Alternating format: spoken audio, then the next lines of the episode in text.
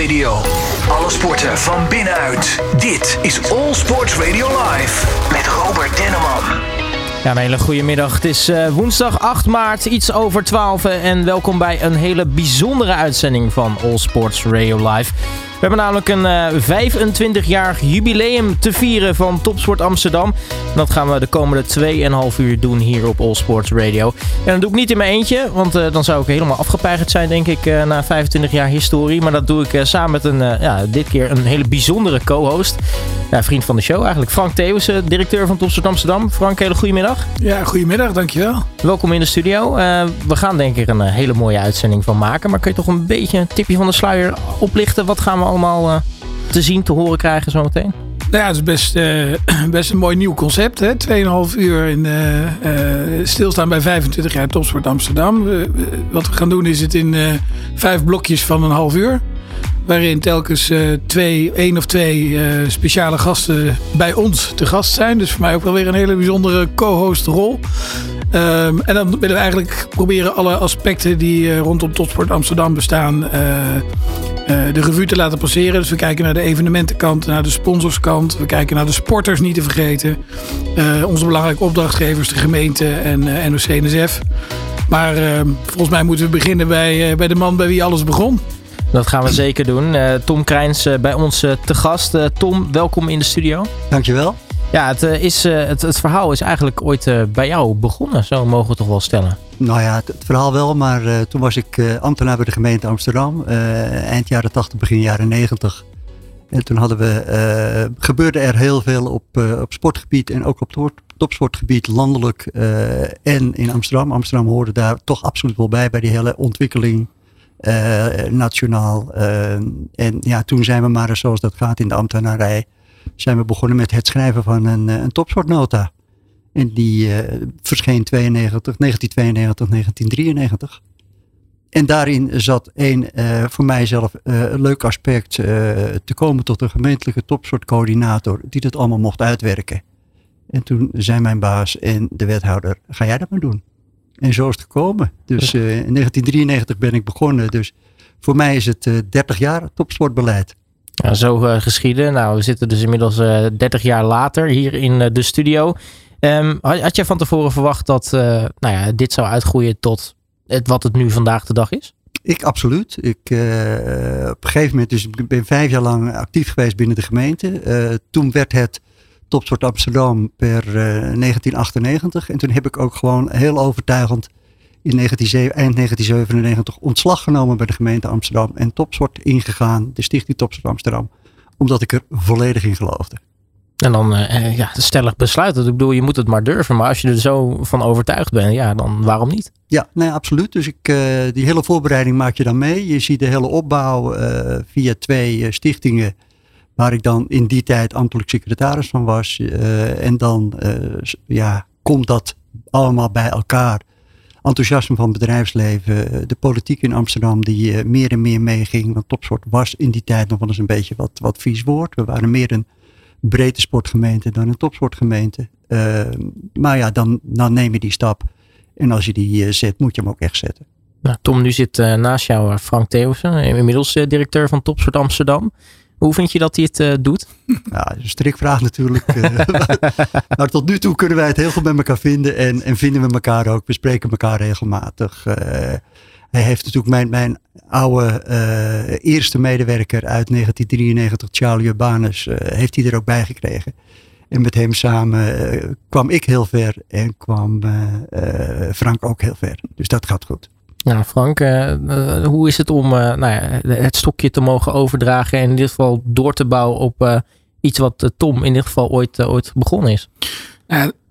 Van de week ook in een ander verband gezegd. Kijk, het is heel leuk dat wij de generatie zijn die nu het 25-jarig bestaan mogen vieren. Maar dat kunnen we alleen maar doen op de fundamenten die er gelegd zijn door andere mensen. En um, ik weet dat we na het sportgala hebben wij nog eens een keer een bak koffie gedronken, Tom en ik. En toen heb ik ook tegen Tom gezegd, um, in jouw tijd werkte jij 24-7 Topsport Amsterdam. Je was de stichting. En nu niet. Nu voel ik dat zo met de club waar wij mee doen na mij gaan er ook weer mensen zijn die dat zo zijn. En ik heb een soort ereplicht, vind ik, om de mensen van het eerste uur mee te nemen. Niet per se toestemming te vragen, maar wel mee te nemen in wat zijn we aan het doen? En wat is gebeurd met dat wat jullie opgebouwd hebben? En het, uh, regelmatig bel ik ook even met Tom van, joh, hoe deed jij de dingen? Of we spreken elkaar. En, uh, en Charlie was daar ook heel goed in om, om, om je mee te nemen in waarom de dingen zijn zoals ze zijn. Hè, dus, dus, dus Tom zegt net, we de politiek meenemen. Ja, ik, ik blijf het nog steeds heel interessant vinden om te weten van Tom, hoe, wat, wat moest je doen om die politiek mee te krijgen? Hè? Van, van een breedte sportgemeente, zoals je het noemt. Um, toch iets meer focus op topsport. En dat betekent excelleren boven het gemiddelde uit. Uh, daar hangt een zweem omheen van heel veel geld verdienen. Wat totaal niet is waar wij mee bezig zijn. Maar hoe, wat, wat heb je gedaan om, om die politiek zo mee te krijgen? Ja. Nou ja, dat is ook het punt dat je dan zegt van, van waar begint het mee? En, uh, en, en dan de gevoeligheden van de politiek moet je daarin opzoeken. Uh, en dan moet je dus ook, waar we met z'n allen mee zijn begonnen en wat op een gegeven moment nog ook uh, in die tijd in de kinderschoenen stond, gewoon talentherkenning, talentontwikkeling en dan doorgaan naar topsportbegeleiding. Dus, dus we zijn met, met een paar uh, topsporters begonnen en, en dat is uiteindelijk uitgekomen bij jouw Team NL Amsterdam situatie. En, en dan moet je zoeken van wat wil, waar wil de politiek in meegaan. En op het moment dat je dan zegt van nou ja, je hebt Amsterdammers met talent, maar is het talent met studeren, is het talent met cultuur? Of in ons geval hebben Amsterdammers uh, talent op sportgebied. Die moet je als politiek niet vergeten. En dus je gaat beginnen met uh, die de kans te geven voor talentontwikkeling. Nou ja, dan krijg je deel 2. Wat heb je daarvoor nodig? Goede accommodaties. Nou, dat was deel 2 in die, in die topsportnota. Dan deel 3, nou, als je een goede accommodaties hebt, doe dan ook nog maar een keertje daar mooie evenementen bij. En ja, dan gaat de politiek wel roepen, moeten wij dit allemaal betalen? Uh, en dan ga je op zoek naar bedrijfsleven en andere partners. Nou ja, en dan heb je de vier pijlers die onder het beleid stonden, waar ik in 1993 mee mocht beginnen. En nu is het natuurlijk ontzettend pionieren geweest. Want het is nou ja, voor de gemeente nieuw. Je zegt al, hè, het was echt breed sportgericht. Daar wil je eigenlijk topsport van maken. Iets wat jij, zoals je ook al zei, een beetje misschien een vieze nasmaak binnen de gemeente had het woordje topsport. Maar hoe begin je dan? Want je moet eigenlijk vanuit niets moet je, moet je iets creëren. Had jij inspiratie? Had je ergens anders gekeken? Of is het echt helemaal zelf bedacht? Nee hoor, nee absoluut. Het was, het was een landelijke ontwikkeling ook. wat ik zei van Kijk, Amsterdam had natuurlijk nog een beetje de naweeën van ook de Olympische kandidatuur 1992. Maar we hebben de mensen die daar positief in stonden, hebben op een gegeven moment ook meegenomen in de hele ontwikkeling van waar wij mee bezig waren op dat moment. Uh, vervolgens waren er ontwikkelingen op het gebied van onderwijs. Er waren natuurlijk genoeg talenten al in Amsterdam actief. en dan was het vaak op universitair niveau. Er werd veel geroeid, er werd veel gehockeyd. Dus bij de universiteiten waren al bepaalde regelingen voor topsportende studenten. Nou, al die partijen hebben bij elkaar getrokken. Het Kaland Lyceum in Amsterdam-West. Die was al in die tijd bezig om, om zogenoemde loodschool te worden. Dus aparte trajecten studeren en, en sporten. En, en dus het was vooral mijn taak in die tijd om alles wat er enigszins al mee bezig was in het Amsterdamse, om die bij elkaar te halen. Nou ja, en dat werd toen in 1993 uh, het zogenoemde Olympisch Steunpunt Amsterdam. Omdat ze ook wel bij het Rijk door hadden van ja, je moet het ook nog een goede naam meegeven om er iets moois mee te kunnen doen. Dus toen mochten regio's zich een zogenoemd Olympisch Steunpunt noemen. Nou ja, daar hebben we van die naam meteen goed gebruik gemaakt. Charlie uh, kon ik aannemen in 93 omdat hij uh, ja, enigszins werkzoekende was.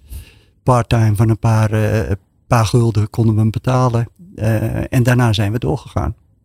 Ja, en in diezelfde tijd uh, was Ajax op zoek naar een nieuw stadion. Uh, ja, daar moest de gemeente ook wel in meegaan. Dus het was ook de tijd van de realisering van de Amsterdam Arena. Dus er waren wel een paar leuke ontwikkelingen, waardoor je baan ook ontzettend leuk werd. Nou, je, je, je, je komt eigenlijk in een soort speeltuin terecht. Je mag eigenlijk je, ja, je gang gaan misschien wel. Als je sportgek bent zoals ik, al gewoon bij opvoeding ben geworden. Ik was één uur oud, toen was ik al lid van een voetbalvereniging. Dus een beetje sportgekke ouders. En je gaat deze kant op. En op een gegeven moment kun je dan van je, je, je, je hobby je werk maken. want ik heb wiskunde gestudeerd, dus dat heeft helemaal niet met het een te maken. Maar ik zat bij de gemeentelijke sociale dienst in de accountancy. En toen zag ik een vacature ambtenaar sport. Ik dat lijkt me veel leuker. Ja, inmiddels zijn we nou ja, heel wat jaartjes verder. Jij mag dus inderdaad voortborduren op wat door, door Tom ooit gestart is. Um, hoe zit het eigenlijk nu eigenlijk met de, met de zaken die, die spelen? Eh, zijn die een beetje vergelijkbaar met uh, nou ja, hoe Tom het in het begin moest doen? Nou, in wezen zijn de onderwerpen eigenlijk niet anders. Um, de schaal is, is groter geworden. Hè. We zijn niet meer met z'n tweeën, we zijn met 24 man. We doen het niet met een paar gulden, maar we doen het nu met een paar miljoen euro. Um, maar in essentie gaat het nog steeds over de goede accommodaties de mooie evenementen naar, naar eh, Amsterdam brengen. Een goede onderwijssituatie creëren. Dat is nu niet, eh, niet alleen maar meer lood. Maar we krijgen nog budget om bovenop dat lood nog extra dingen te doen. Nou, volgende week zitten we weer met het Kalland om te kijken hoe we daar de volgende fase in gaan. Um, de begeleiding van sporters is, is, is geprofessionaliseerd. We zijn 25 jaar verder, 30 bijna. Um, dus ja, we hebben nu allemaal experts en we hebben voedingsdeskundigen en we hebben SNC-coaches. Die waren er toen ook, maar op een hele andere manier georganiseerd. Um, ik, ik vergelijk het dus wel een heel klein beetje met, als het naar de sport terugbrengt, wat we in Amsterdam met 3 keer 3 basketbal hebben gedaan. 3 keer 3 basketbal in Amsterdam begon op pleintjes uh, in, in, in de wijk. Um, dat is uitgegroeid tot jeugdkampioenschappen, nationale kampioenschappen. We zijn een trainingsprogramma voor de NBB gestart. Waarin talenten zich konden ontwikkelen. Uh, we hebben Nederlands kampioenschappen naar, naar Amsterdam gehaald. Uiteindelijk een Europees, zelfs een wereldkampioenschap op het Museumplein. Onze partners, onze bedrijfspartners hebben daaraan bijgedragen. en um, um, de trainingsprogramma's die we nu onder de vlag van Team NL mogen hosten in Amsterdam zijn heel groot geworden. En we hebben die sport letterlijk van de streets naar Tokio gebracht. Want die jongens hebben in Tokio hebben het waanzinnig goed gedaan. Ja. Nou, die analogie kan je bijna met Topsport Amsterdam uh, trekken. Van het, het begon klein, met ambitie. Jij noemt het een speeltuin, maar... Um, um, om te werken. Speeltuin om maar te speeltuin werken. om te werken. En ook waar, waar heel veel gedaan moest worden. En wel heel veel weerstand uh, uh, overwonnen moest worden. En op die bouwstenen, toen dat eenmaal gezien werd van joh, dit heeft, de stad heeft hier wat aan.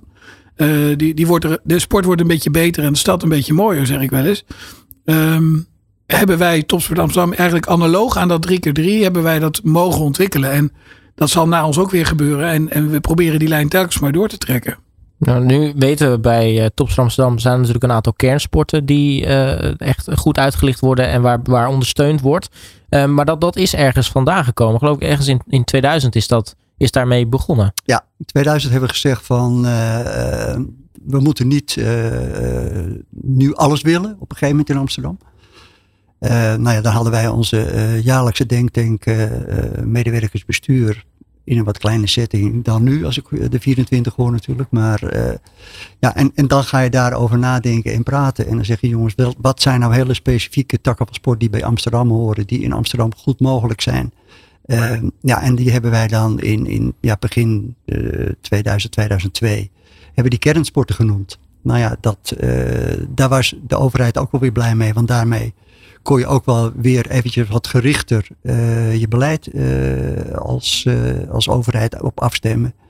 Het, het geld daar ook voor reserveren. En nou ja, die voorzet hebben wij gegeven als Topsport Amsterdam is ingekopt door de gemeente Amsterdam en kwam weer terug bij ons om daar vervolgens weer mee verder te werken. Nou ja, en toen hebben we op die manier hebben we het begrip kennensport geïntroduceerd. En het grappige is wel dat het daarna in het hele land eigenlijk uitrolde. Ik denk dat we daar ook wel een beetje een, een, een uh, uh, eerste stap in hebben gezet. Want op een gegeven moment ging iedereen ze noemen focus, sport, uh, aandachtsport enzovoort. Maar ik durf heel bij de hand te zeggen, het begrip kernsport is in Amsterdam bedacht. Ja, maar op een gegeven moment moet je dan sporten gaan uitkiezen. Waar, waar kijk je dan naar? Ja, wat, is, wat is, wordt goed beoefend in, in Amsterdam? Wat, wat, uh, is, waar zijn de accommodaties uh, geschikt voor? Uh, je kan wel op een gegeven moment zeggen van ja, we gaan zeilen tot onze tak van sport maken als, als Amsterdam. Maar ja, dat maakt een beetje, is een beetje ingewikkeld. Dus doe dat vooral maar in medeblik en ga dat niet in Amsterdam doen. En dan ga je kijken van ja, waar waren, waar waren we goed in, waar zijn we goed in en wat, wat kun je daarin combineren. Kijk, hockey en roeien, ja, daar begint het ongeveer mee in Amsterdam. Daar zijn wij ook uiteindelijk mee begonnen als Olympisch steunpunt in die tijd. Ja, en dan kijk je verder. we hadden een hele goede dameshandbalclub, de Volenwijkers samen met Orient VOC. Nou ja, uh, Frank geniet nu nog steeds van uh, prachtige wedstrijden van VOC. ja, met, ja, en als Charlie en ik dan weer eens eventjes zitten te breden, dan denken we, god, wat hebben wij het ontzettend ingewikkeld gehad om toen twee eigenwijze clubs in Amsterdam-Noord bij elkaar te, kregen, te krijgen. Uh, is een Orient. Maar er is uiteindelijk wel weer iets moois uitgegroeid. Ja. En, en ik blijf dan ook gewoon alles volgen, want dan zie ik ook tot mijn vreugde dat ze nog steeds bovenaan staan. Ja, dat is mooi. Maar dat, ja, dat, dus dat, dat zijn ook de dingen waar, waar jij naar kijkt. Nou, op een gegeven moment, het aanbod sport is iets uitgebreid in de tussentijd, geloof ik. Ja. Um, hoe, hoe bouwden jullie daar dan op voort? Want op een gegeven moment ga je dus kijken, nou, we hebben, we hebben deze sporten uh, ooit benoemd als kernsporten. Maar er komen natuurlijk wat nieuwe varianten bij. Ik denk bijvoorbeeld aan uh, 3x3 basketbal. Wat natuurlijk al een voorgeleider was op het basketbal. Onder meer bij Apollo natuurlijk wat, uh, wat ooit als kernsport dan is, is bedacht. Ja. Maar uiteindelijk gaan jullie daar dan verder mee aan de slag en het uitbouwen. Ja, klopt. Die, die, die, die echte strikte focus op die kern- en focussporten, die is op een gegeven moment min of meer losgelaten. Hè? Dat, en wat zich voordeed, we kregen de accreditatie tot het Centrum voor Topsport en Onderwijs, wat inmiddels, uh, we zijn een home of Team NL. En dan bepalen de sportbonden met name van waar laten we die programma's landen. En natuurlijk zeg je als stad van joh, dit zouden we graag willen en dit zouden we kunnen. Terecht wat uh, Tom zegt. Ja, we steken niet onze vinger op voor het zeilen, want dat zou heel onlogisch zijn. Dus dat is, Team NL-programma is nu in Scheveningen geland. Uitstekend. Uh, basketbal, roeien, dat soort sporten, zwemmen. Uh, zijn niet voor niks in Amsterdam. Amsterdam is, ja, de, ba bakermat van het basketbal. Het is op Museumplein zo'n beetje begonnen allemaal. Dus het is ook logisch dat het 5x5 en daarna het 3x3 uh, in Amsterdam uh, komt. Dus, dus die Team NL-programma's, goed, in samenspraak met de andere Team NL-centra, bepalen we uh, welke sport waar landt. En daar hebben we ook goede afspraken met elkaar over. Dat ja, wat van de ene is, is van de ene, wat van de andere is, is van de ander. Um, en dat willen, we, dat willen we met elkaar goed oplossen. Nou, daarnaast hebben wij de verenigingen die we ondersteunen. Daarvan hebben we nu gezegd, een paar jaar geleden, want dat was eigenlijk een beetje ondergesneeuwd in dit hele grote Team NL uh, verhaal wat we zijn gaan doen. Ja, we moeten ook de synergie van, van die investeringen van Team NL in Amsterdam, die willen we weer laten zien. We willen meer focus hebben op de support voor de verenigingen in Amsterdam. En daarvan hebben we nu een aantal verenigingen, nu op dit moment 17, gekozen die op het hoogste niveau in hun sport uh, actief zijn. Waarbij we in ons achterhoofd wel die focussport hebben gehouden. Maar ook naar een aantal nieuwe sporten hebben gekeken. We hebben natuurlijk urban sports die er zijn gekomen de afgelopen jaren. De vorige wethouder was ook echt een groot fan van het uh, urban sports. De huidige uh, ook. Um, en gezegd van ja, dat past heel erg bij Amsterdam. Het, het, zeg maar het hele gevoel van vernieuwing, innovatie, vrijgevochtenheid. Ja, dat zijn bijna de kernwaarden van onze stad. Um, ruimtegebrek. De stad als podium. Allemaal thema's waarvan we zeggen, nou ja, dan, dan zijn urban sports natuurlijk wel heel erg welkom. Uh, de huidige wethouder Sofiane Barki heeft als raadslid nog uh, een, een, een, fonds geantameerd voor de ondersteuning van vechtsporters. Omdat er, er zijn heel veel talenten in Amsterdam in die vechtsporten. Uh, die, en, en daar is eigenlijk nog niet echt een nationale infrastructuur voor. Dus wij ondersteunen nu ook een aantal uh, hele talentvolle, jonge vechtsporters. um, nou, dus zo kiezen we nu onze, onze, onze sporten uit en onze, om onze infrastructuur aan, uh, uh, mee te delen en, en, en aan te leveren. Nu hebben we deze uitzending natuurlijk over uh, nou, 25 jaar topsport Amsterdam. nou, we van jou net het begin, Tom. wat, wat zijn nou voor jou de grootste uitdagingen geweest in, in die tijd? Nou ja, goed, naast uh, het hele programma van uh, talentontwikkeling, uh, topsportbegeleiding, was natuurlijk ook gewoon evenementen naar Amsterdam zien te krijgen. In, in combinatie met de aanpassing van, van je accommodaties. Dus in, in de tijd, ik had het al over, de arena kwam erbij. Nou, vervolgens was een hele grote uitdaging in mijn periode. Wordt het Olympisch Stadion wel of niet gesloopt? Nou, gelukkig waren er een paar stromingen in Amsterdam die daarvoor zijn gelegen. en is het Olympisch Stadion behouden gebleven. Maar als je dan zegt, wat zijn dan uitdagingen? Ja, dan beginnen wij ongeveer, we zijn toen in 1998 begonnen met de kandidatuur van Amsterdam voor een Europees kampioenschap atletiek. Nou, ik ben er wel geweest, eh, omdat ik later een hele andere leuke baan ben gaan doen, waardoor ik weer sponsor kon worden eh, van de EK Atletiek. maar dat feestje eh, heeft uiteindelijk Frank vooral mogen vieren met de gemeente. nou, de bosbaan moest worden verbreed om een wereldkampioenschap roeien te kunnen organiseren. Dus er waren gewoon in die hele periode wel ideeën om wat meer naar Amsterdam te kunnen halen. Uh, omdat het evenementenbeleid ook wel uh, groeide met de ja, enthousiaste wethouders ook. Want die heb je daar absoluut ook voor nodig. Uh, ja, en dan begint het toch ook weer iedere keer weer bij het begin. Uh, ik roep altijd van allemaal leuke naden dat die VIP's er zijn. Maar aan VIP's heb je niks. Het begint op het veld. en als het veld er niet ligt, dan kan er niet gesport worden. Kan er niet gekeken worden. Heb je ook geen VIP's nodig. Dus iedere keer weer even terug naar die basis. dat is altijd wel mijn leidraad geweest. Van uh, als je een, uh, een, een, een, goede roei, een goed roeievenement wil hebben, ja, dan moet er een, een bosbaan liggen waar ook goed op geroeid kan worden. Ja. dan worden de aanvullende voorzieningen. Nou ja, daar zijn weer andere partners voor. Uh, van de volgens mij ook vandaag eentje langskomt met Tigsports. En die maken dan wel weer op een andere manier een prachtig VIP-park van. Ja, maar het begint elke keer weer bij die basis, de sport. Ja, je kunt natuurlijk wel vaak kloppen bij een bond te zeggen: wij willen een, een wereldkampioenschap organiseren. Maar ja, dat als de faciliteiten er niet voor zijn, wordt het natuurlijk lastig. Ja, ja, dat gaat op die manier. En, en dat zijn iedere keer weer, uh, zo was het ook altijd een wens van Amsterdam, om toch minimaal wel een, een keer een groot Davis Cup evenement te organiseren. Nou, dat wisten ze wel weer bij de Tennisbond. Dus die belden ongeveer iedere keer wel weer als ze, de loting zodanig was dat Nederland een thuiswedstrijd had. Nou, dan had ik al goed contact met de RAI, belde ik de RAI en die zei welk weekend is het of welke week is het. Nou, paste het wel, paste het niet. Meestal paste het niet.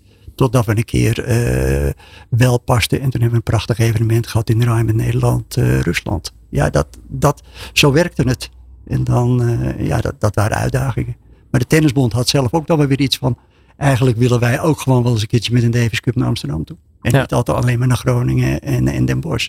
Dus dat is natuurlijk ook gewoon wel de kwaliteit van Amsterdam. Waar je op dat soort momenten gebruik van kunt maken. nu zijn, uh, kunnen uitdagingen lastig zijn. Ze overwinnen is des te mooier. Ja. Wat, wat zijn nou jouw mooiste resultaten geweest bij Topsport Amsterdam? Met Topsport Amsterdam? Nou ja, met, het resultaat is gewoon dat uh, de hele uh, ideeën die we in 1993 op papier hebben gezet dat die nog steeds uh, in, in die, met die vier pijlers uh, worden uitgevoerd.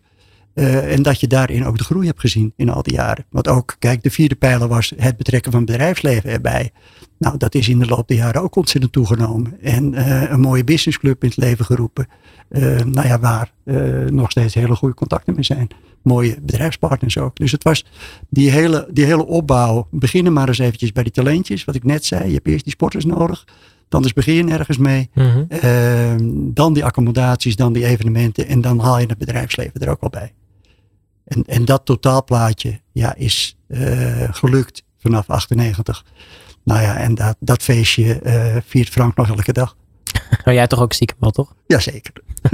Eh, Frank, we horen nu net eigenlijk de, de uitdagingen waar, uh, waar Tom mee, mee zat. Zijn die uitdagingen voor jou nog steeds zo, zo actueel? Of, of, of, zijn die uitdagingen veranderd in de loop der jaren? Nee, ze zijn in wezen niet anders. Um, het gaat over uh, de politieke steun.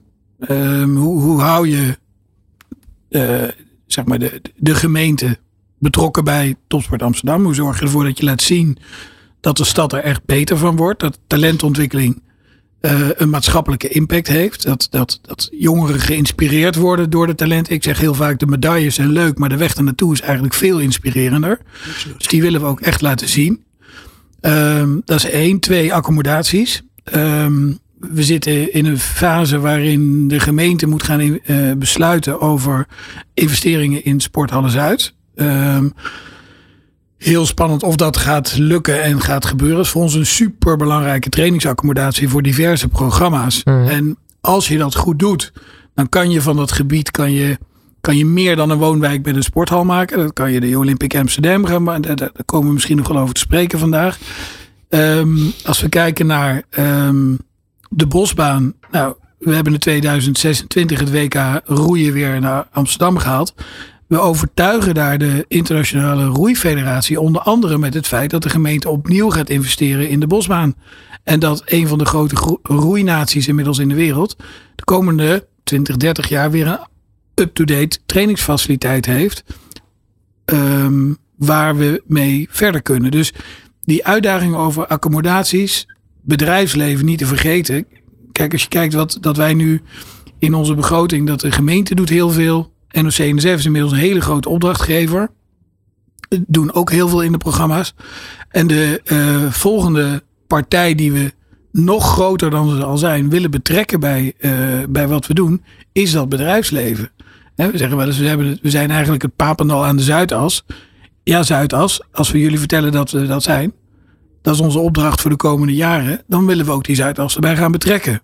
Want de inspiratie van die sporters, de, nou, uh, het feit dat het allemaal zo dichtbij is, ja, neem je verantwoordelijkheid als bedrijf om daar. Uh, Publiek-private financiering wordt steeds belangrijker. Ook in het huidige college is dat een onderwerp. Mm Die willen we er steeds bij betrekken. Dus eigenlijk zijn het dezelfde thema's misschien een maatje, uh, maatje anders. Twee maatjes groter. Dan waar, waar Tom mee en, Charlie mee begonnen. Um, maar ze zijn hetzelfde.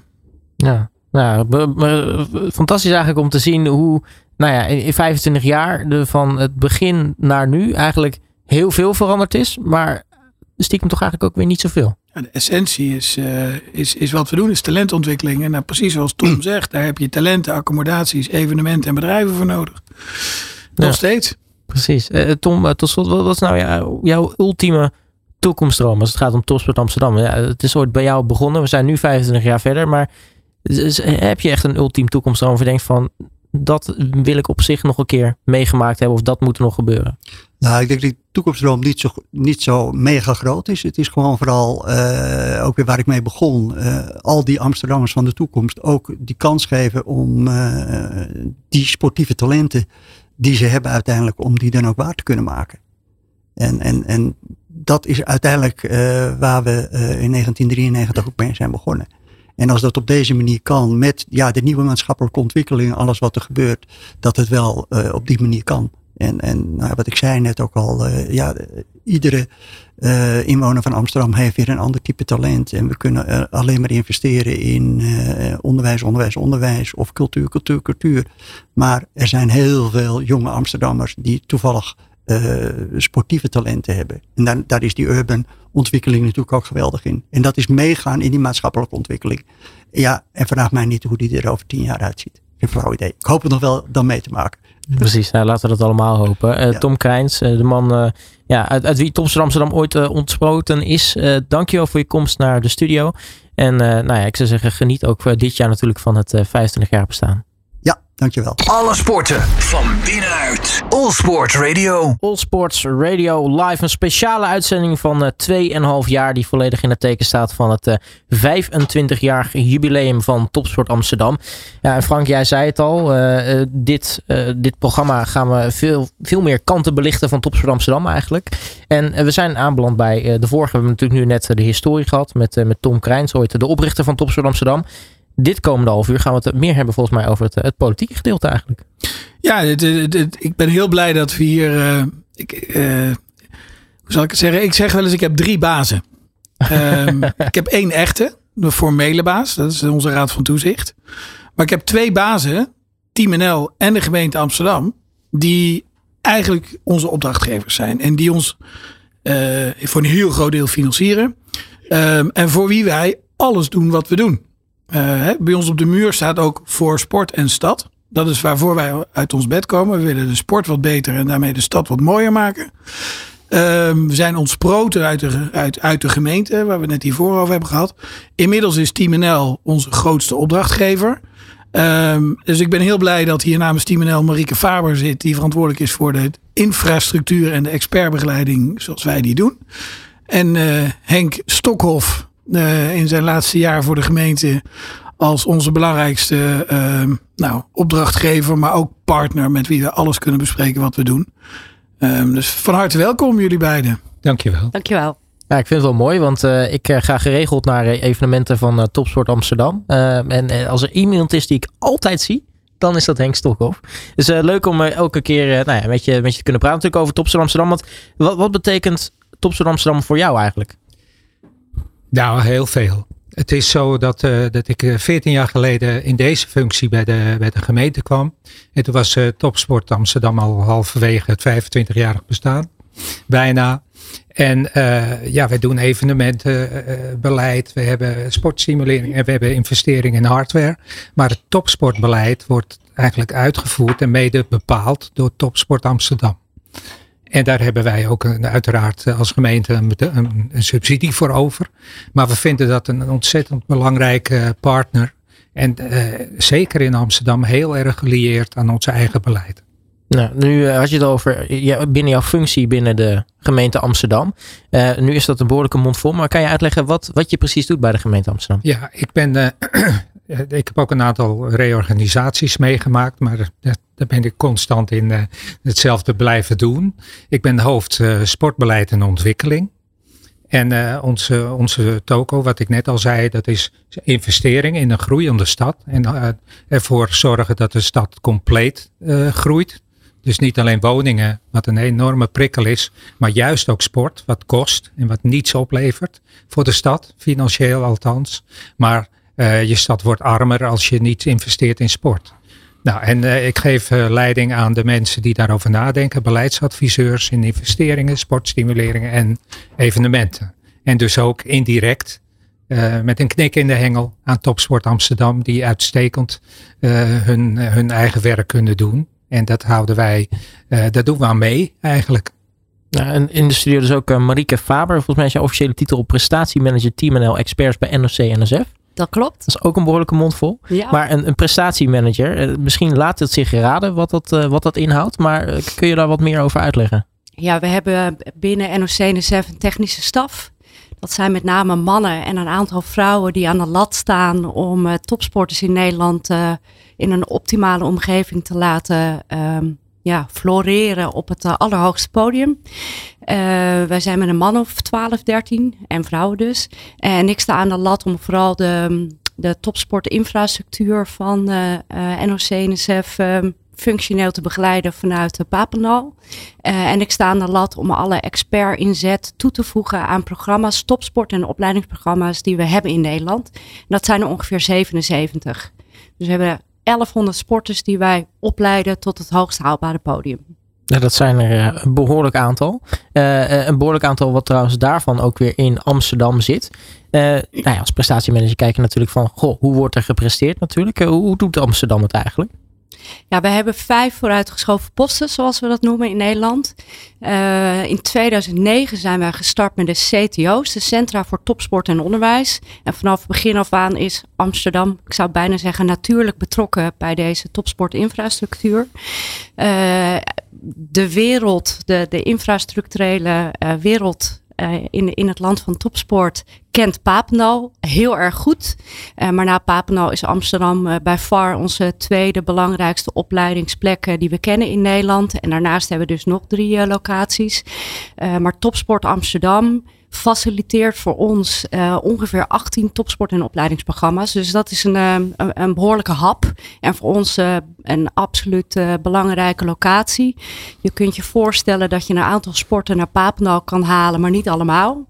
En niet elke sport past ook op Papendal. Dus vandaar dat we enorm blij zijn met de samenwerking met de gemeente Amsterdam en, en Topsport Amsterdam. Ja, ik kan me voorstellen dat je een moeilijke roeibaan aanlegt van vijf kilometer lang in, in de Arnhemse bossen. Dan kun je beter een bestaande accommodatie gebruiken als bijvoorbeeld Amsterdamse bos. Ja, maar vergeet ook niet, als je kiest voor sport voor Papendal, dan kies je echt voor een geïsoleerde topsportplek. Daar geloven we overigens uh, erg in. Hè, op, op gecentraliseerde plekken uh, de juiste omgeving of de beste omgeving uh, inrichten met de juiste experts.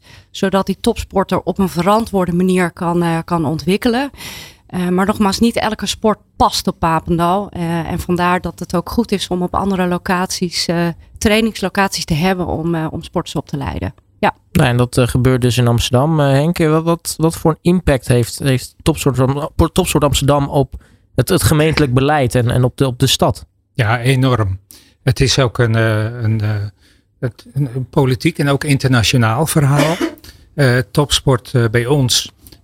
Kijk, de, de core business van Topsport Amsterdam is natuurlijk wel zeg maar het begeleiden van topsporters met alles wat daarbij hoort. Daar zitten wij niet zo direct bovenop. Maar wel als het gaat om de organisatie van evenementen.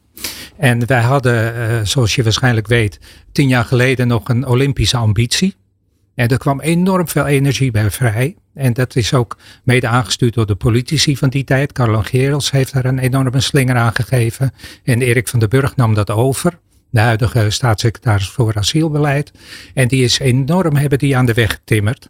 En uh, vanaf 2009, 2010 hebben we Amsterdam echt op de kaart gezet in het decennium wat volgde uh, met een aantal evenementen. Die zijn vast ook genoemd al eerder. Maar de, de WK roeien, EK atletiek, het voetbal, het 3x3 basketbal, het tennis, de Davis Cup. En dat betekent voor Amsterdam heel veel. Dat we ook internationaal op de kalender staan, op de kaart staan. En de, dan heb ik het nog niet over de, de jaarlijkse zaken als uh, de marathon met de 45.000 mensen, de Dam tot Dam en de City Swim. Waar ik, uh, die ik zelf verkend heb in de eerste jaren. dus nou, dat betekent voor Amsterdam veel. dat ook. Dat weten wij natuurlijk ook allemaal vanuit de sport. Iedereen die daarmee bezig is, dat sport ook in veel gevallen in de oplos aan de oplossing werkt voor sociaal-maatschappelijke vraagstukken. Niet direct de topsport, maar wel als rolmodel natuurlijk. En uh, om uh, voor de Amsterdamse jeugd en anderen ook, om zelf te gaan sporten. Dat is natuurlijk een bijkomstige uh, zaak waar we erg aan werken. Maar Topsport Amsterdam heeft ons samen met de, de, de sturende politici, heeft Amsterdam goed op de kaart gezet in het laatste decennium. Nou Frank, ik hoor onder meer het, woord rolmodel voorbij komen. Als jij natuurlijk altijd wil blijven ontwikkelen, uh, van waarde wil blijven voor de stad, van waarde wil blijven voor Team NL, dan komt daar natuurlijk heel veel bij, bij kijken. Hoe zorg je dat, dat de organisatie, dat jullie altijd op de, de toppen van jullie kunnen, kunnen presteren? Altijd bezig blijven met vernieuwen.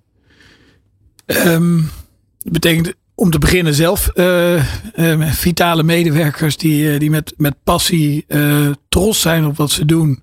En dat we dat ook uitstralen. Het woord trots. Uh, we hebben op een gegeven moment met een nieuwe huisstijl. En toen werd ons gevraagd: wat creëren jullie nou? En dan, toen hebben we ook gezegd: ja, wat wij creëren is trots.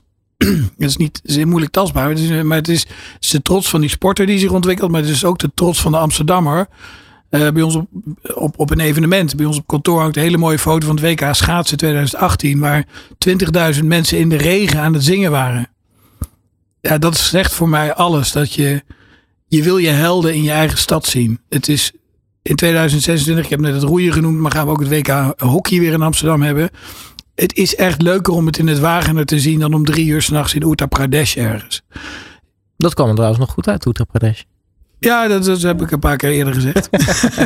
um, het is ook, maar het is echt een voorbeeld. Mensen worden trots op die evenementen. En wat wij moeten doen is voortdurend zorgen dat we in de picture zijn. Dat, dat de stad gaat zien dat de investeringen die we bijvoorbeeld in Team doen en die Team in de stad doet, dat we die vooral niet vergeten. En dat, daar, dat wij de synergie creëren dat de, de boelpen en de slagkooien die op ook meer gebouwd zijn, onder andere met geld van uh, Marieke en consorten hè, van Team NL, dat, dat daar de, de Pirates nu ook trainen. Dus de stad, we hebben een high performance gym op ook meer. Nou, dat is allemaal top of the bill materiaal. Daar trainen echt de echte topsporters. zijn niet zomaar gewichtjes. zeg ik dan wel eens even voor de leek. Maar die zitten daar niet fulltime. De tijd dat zij daar niet zitten, kunnen wij die tijd inzetten om VOC, we hadden het net over VOC handbal, daar te laten trainen. Om blauw-wit korfbal daar te kunnen laten trainen. Dus de synergie, en dat is denk ik een hele belangrijke taak voor ons. Tussen enerzijds wat we voor de stad doen, de verenigingen, die urban en vechtsporters. Wij noemen het Amsterdamse Talent en Urban en Vechtsportprogramma. En Team NL anderzijds, om te laten zien dat daar uh, uh, synergie tussen zit. Dat die dokters ook bij de verenigingen aan de slag kunnen. Of dat ze de kennis die ze op het allerhoogste niveau van Team NL opdoen, dat we die ook ten dienste stellen aan de lokale sport. De keuken die wij hebben gebouwd op de bosbaan, waarvan de hardware van de, de, de, de roeibond is, met geld van Team NL, waar wij de exploitatie doen, uit diezelfde keuken eten onze urbane vechtsporters. Nou, en dan, dan zijn de twee mensen die hier zijn, eh, onze allergrootste opdrachtgevers. Maar die zijn ook aan elkaar verbonden en maken elkaar sterker. En dat is volgens mij onze taak. Om dat heel, heel duidelijk te maken. En, en telkens weer een stapje verder te brengen. Want dat is wel topsport. Het is nooit goed genoeg. Het, het is niet alleen uh, dat wij opdrachtgever zijn, maar het is ook onderweg. Want het lijkt een, gewoon een, een geasfalteerde weg hè, naar, de, naar de top. Mm. Maar de topsporters weten dat. Maar ook een evenement of een, of een keuken of een, uh, iets, iets uh, met wonen van, van topsporters. Er zijn altijd hobbels op de weg. En dan hebben wij korte lijnen en dat bevalt erg goed. Dan worden we ingeschakeld om uh, die hobbels, die soms uit de gemeente zelf komen, om die te helpen slechten. En dat gaat de, ja, bijna soms op gevoel, maar in ieder geval op vertrouwen. Dat wij kunnen helpen bemiddelen als er uh, hobbels op de weg zijn. Nou, Marika, hoe kijken jullie daarbij bij NOC-NSF naar dat, dat er nou ja, de, de faciliteiten die nou, jullie mede helpen uh, financieren, uh, geschikt zijn natuurlijk voor de, voor de topsporters, ook zeg maar het, het, het, het breedte sportgedeelte in, in, in onze hoofdstad zeg maar helpen verder komen. Ja, ontzettend belangrijk. Kijk, topsport kan niet zonder breedte sport. En de Team NL centra in Nederland, die zijn bij uitstek, of zou je bij uitstek kunnen gebruiken als, als hub in een regio om topsport en breedte sport te verbinden. Ik vind dat we daar nog wel een, uh, een lange weg te gaan hebben. Uh, of er is nog een hoop winst te, behalen. Uh, want we doen het op verschillende plekken, maar we doen het wat versnipperd. En het echt delen van hoe dat nou werkt in Brabant, in Amsterdam en andersom. Ja, dat, dat moeten we echt nog een stukje of een stapje beter doen. Uh, en VWS vraagt dat ook van ons. Hè? Want onze grootste financier is de, de Rijksoverheid. En wij zullen heel duidelijk moeten legitimeren waarom topsport uh, zoveel mag kosten.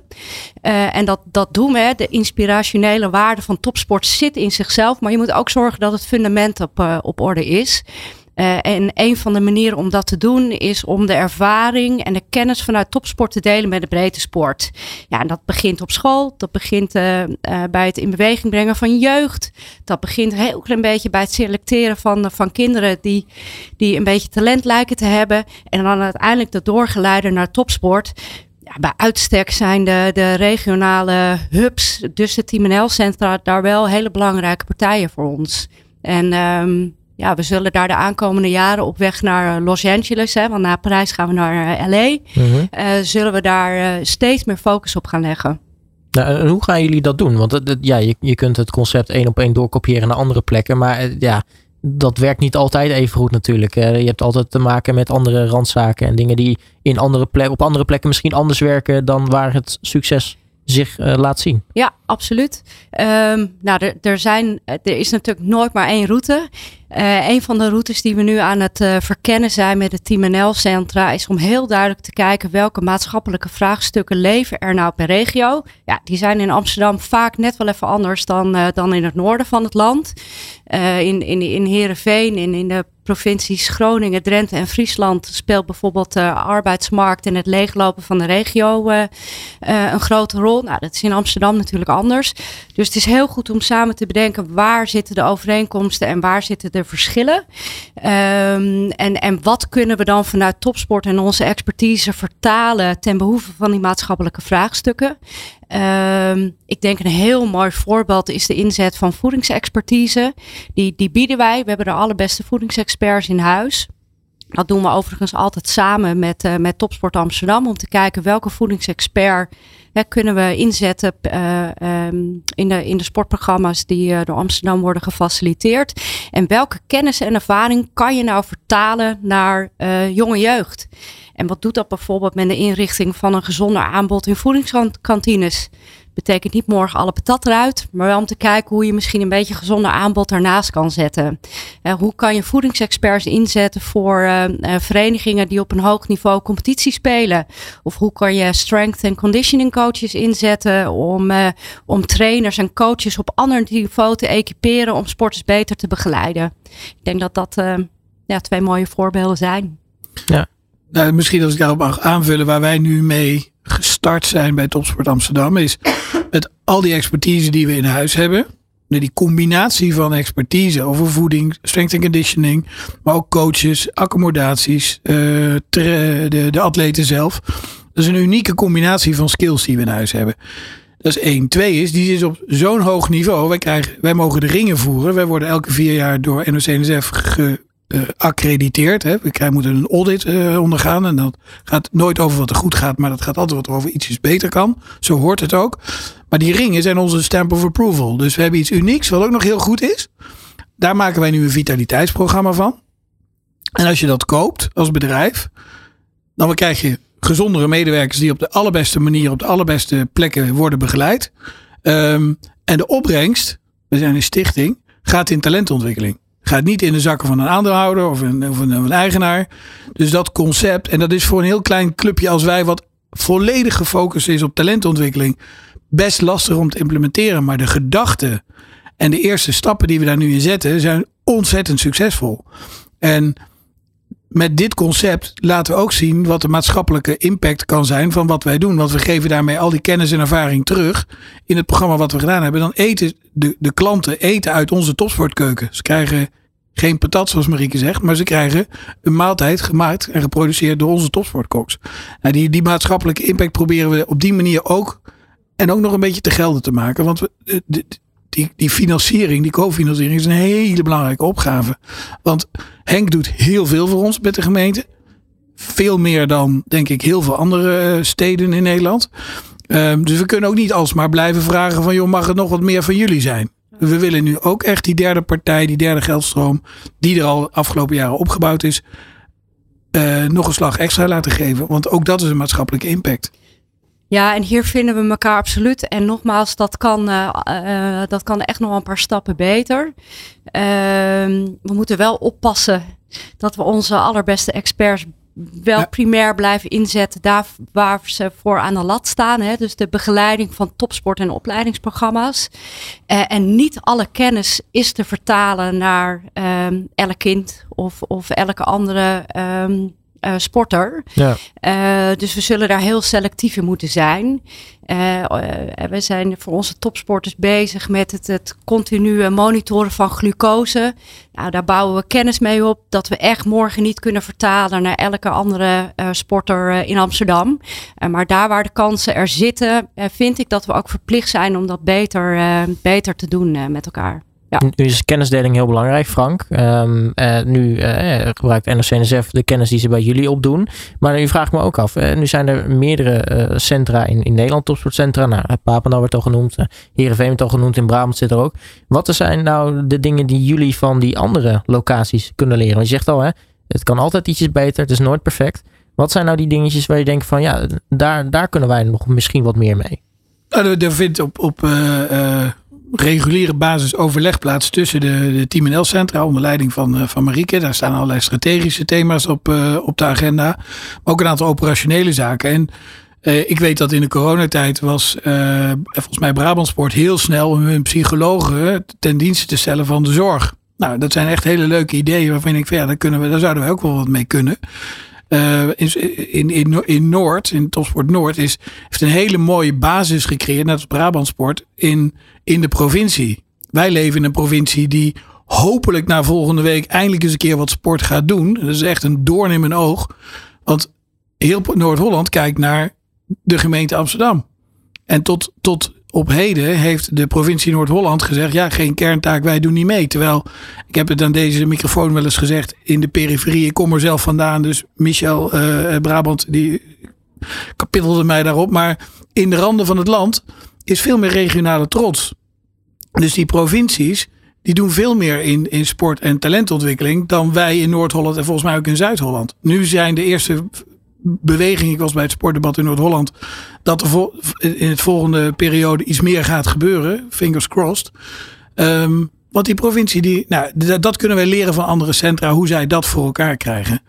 Um, maar wij zijn nog steeds heel erg uh, blij met dat Amsterdam het juist wel doet. Nou, Henk, nu, nu uh, nou ja, kijkt de provincie naar de gemeente Amsterdam. Hoe, zorgen jullie binnen de gemeente er nou voor dat, dat nou ja, misschien de, de provincie Noord-Holland misschien even iets beter hun best gaat doen of, of misschien iets meer aan het werk gaat erin? Ja, ik weet dat uh, Rotterdam met hetzelfde probleem zit. Omdat ze zo actief zijn, is de provincie passiever, zou je kunnen zeggen.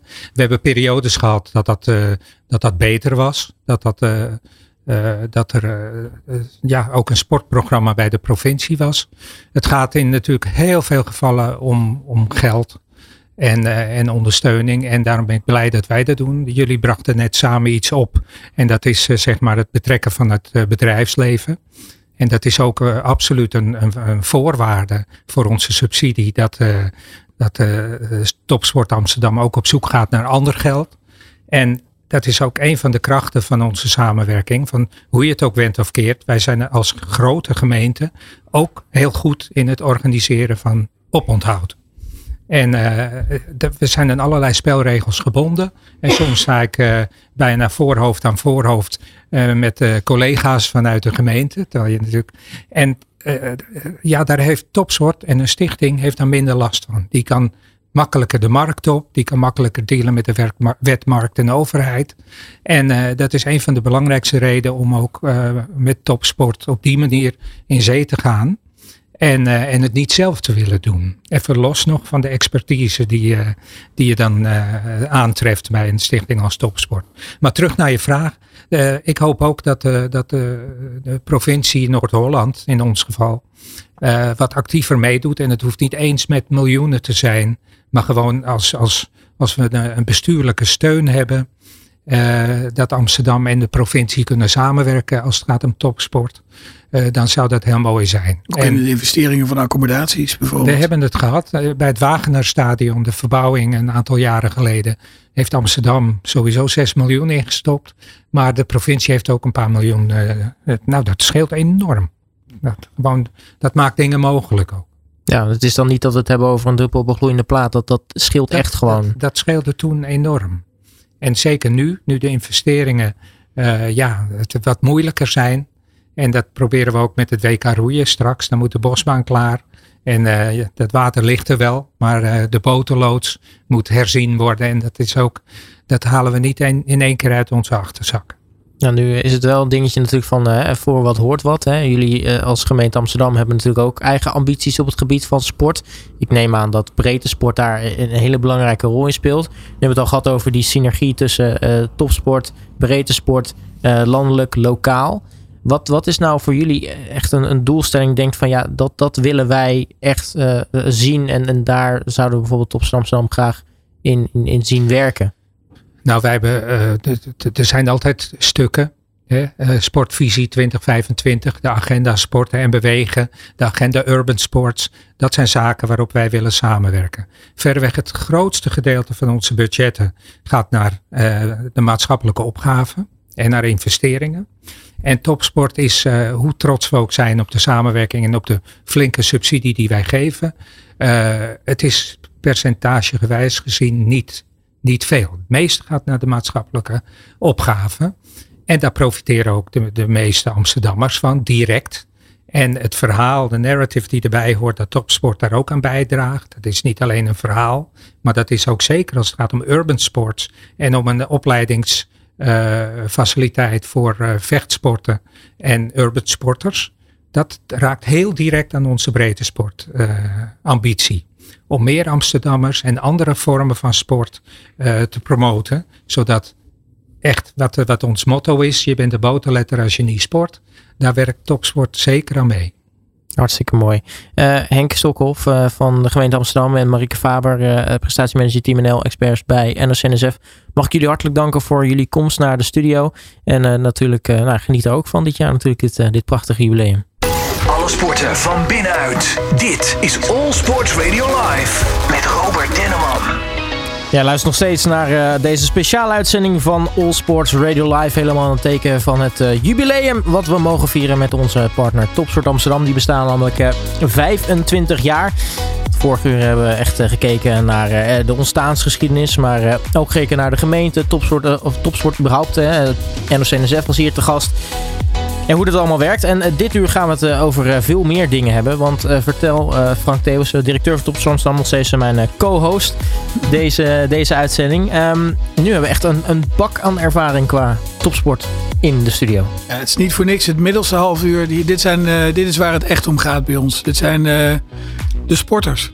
We, kunnen het over heel veel mooie dingen hebben die we doen. Uiteindelijk gaat het erom dat wij bijdragen aan het realiseren van de dromen en ambities van jonge, talentvolle mensen. En hier zitten twee gasten die. Uh, het is weliswaar Wereldvrouwendag, er zijn toch twee mannen hier. um, maar wel twee mannen die, denk ik, uit eigen ervaring het best kunnen vertellen van ja, wat heb ik gedaan in Amsterdam? Hoe heeft Topsport Amsterdam hier een rol in kunnen spelen? Um, en ik ben ook heel, ja, ik ben echt vereerd dat. Uh, dat uh, Sebastiaan en Jasper hier, uh, hier zijn. twee iconen van ook twee hele belangrijke programma's die wij in Amsterdam hebben. Zowel aan de breedte kant of aan de, aan de verenigingskant als aan de, alle, de Olympische kant. Um, dus uh, Sebastian Verschuren, Jesper Jobsen, van harte welkom hier vanmiddag. Dankjewel. Dankjewel. Ja, want uh, als we het toch hebben over uh, topsport, dan word je er denk ik eng van. Als we het hebben over ervaring wat hier in de studio zit. Um, Tom Krijns, die zei het al eigenlijk het eerste uur. Hè, het begint met die eerste pijler, het begint met die talentjes. Ja. Dan zien we voor de rest wel. Nou, eigenlijk zijn dus deze twee mannen de legacy waar het eigenlijk om draait bij Topsport Amsterdam. Of nee, in ieder geval een van de dingen waar het dan om draait bij Topsport Amsterdam. Um, dan wil ik eigenlijk bij jou beginnen, uh, Jasper Jobsen, want ik vind het super grappig. Uh, wij spreken elkaar geregeld in, uh, in de uitzending, maar ik heb je nog nooit in het echt gezien. Dus dit is voor het eerst in, in levende lijven. Um, Frank zei het net al even, eigenlijk is de ontwikkeling van Topstad Amsterdam en, en 3x3 basketbal, het loopt eigenlijk als een soort rode draad door elkaar heen. Die ontwikkeling heb jij natuurlijk van, van dichtbij meegemaakt. kan je eens uitleggen voor nou ja, het basketbal voor jou, de, hoe die ontwikkeling, hoe belangrijk Topstad Amsterdam erin geweest is? Zeker, ik denk dat dat heeft volledig voor de, eigenlijk voor de volgende stap in onze ontwikkeling gezorgd. Hè. Ik, um, ik was echt de pionier in 3 tegen 3 basketbal. 2014 um, maakte ik een soort van ja, risicovolle overstap.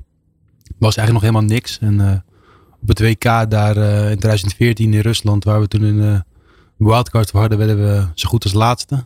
Volgens mij wonnen we het laatste wedstrijdje nog. En ik was vooral vereerd dat ik voor Nederland uitkwam en op zo'n toernooi zeg maar, daar onderdeel van was. Ik had nooit verwacht dat er daarna een vervolg zou ontstaan. Het, kwam ook eigenlijk niet. Dus ik, uh, ik, nou, koos er toen voor om het heft in eigen hand te nemen. En gewoon uh, als pionier verder aan de slag te gaan. Een team te vormen van jongens waar ik dacht vertrouwen in te hebben. En zo gewoon maar eens gaan proberen wat er uh, mogelijk was. En toen hadden we twee jaar later, hadden we eigenlijk onverwachts, hadden we een medaille op het, op het Europese kampioenschap in 2016. En toen ging het vliegen. En dan moet er altijd ja, een organisatie zijn die daar vertrouwen in heeft. Die denkt van hé, dit is in deze, deze sport kunnen we iets mee. En toen was uh, naar Topstad Amsterdam daar, uh, daar heel snel bij. En uh, voor mij als Amsterdammer heel fijn dat we toen gewoon in, in eigen stad dat programma konden gaan doorontwikkelen. met alle belangrijke middelen, faciliteiten om echt de volgende professionele slag te maken. Nou, met alle successen die erop gevolgd zijn. Dus het is echt, echt aan de basis gestaan met elkaar om daar iets fantastisch neer te zetten. Waar tot op de dag van vandaag ik trots op ben. Maar de jongens die in het programma nu nog zitten natuurlijk ook. Um, ja, en, en, we kijken nog steeds maar naar voren. Toen denk ik, we hebben fantastische evenementen gehad. Er komen fantastische evenementen aan. Je denkt uniek om te zien hoe alles ja, rondom één sport, zeg maar, zich in één stad eigenlijk in de meest perfecte vorm clustert. Ja, en ook in de studio Sebastian Verschuren, uh, natuurlijk voormalig topzwemmer. We hebben jou op uh, meerdere Olympische Spelen gezien. Uh, maar voor jou ook het, verhaal Topsport Amsterdam is, is gewoon ontzettend belangrijk geweest, ook voor jouw carrière. Nou ja, ik zeg wel eens dat ik in de afgelopen uh, of dat ik in mijn zwemcarrière eigenlijk tien jaar topsporter ben geweest. Uh, van 2007 tot 2016. Uh, tot en met 2016. en eigenlijk die tien jaar heb ik onder de vlag van Topsport Amsterdam mogen zwemmen. En zo voelt het ook echt. Dus ik, het voelt ook echt alsof ik onderdeel ben van Topsport Amsterdam. Alsof ik dat nog steeds ben. Ik ben nu een tijdje gestopt. Um, maar ja, het, is, het, het, voelt altijd als een warm bad. Hè? De mensen die er werken. Maar, eh, maar vooral ook de, alles wat ze voor ons gedaan hebben in de, in, in de jaren dat ik daar dan eh, eh, actief heb mogen zwemmen. In het Slotenparkbad in, in Amsterdam, zeker. Nou, je hebt best wel wat ontwikkeling meegemaakt wat dat betreft. wat, wat is voor jou nou misschien het ding in je carrière geweest? Of waar, waar ze bij jou ondersteund hebben? Denk van daar heb ik echt ontzettend veel aan gehad.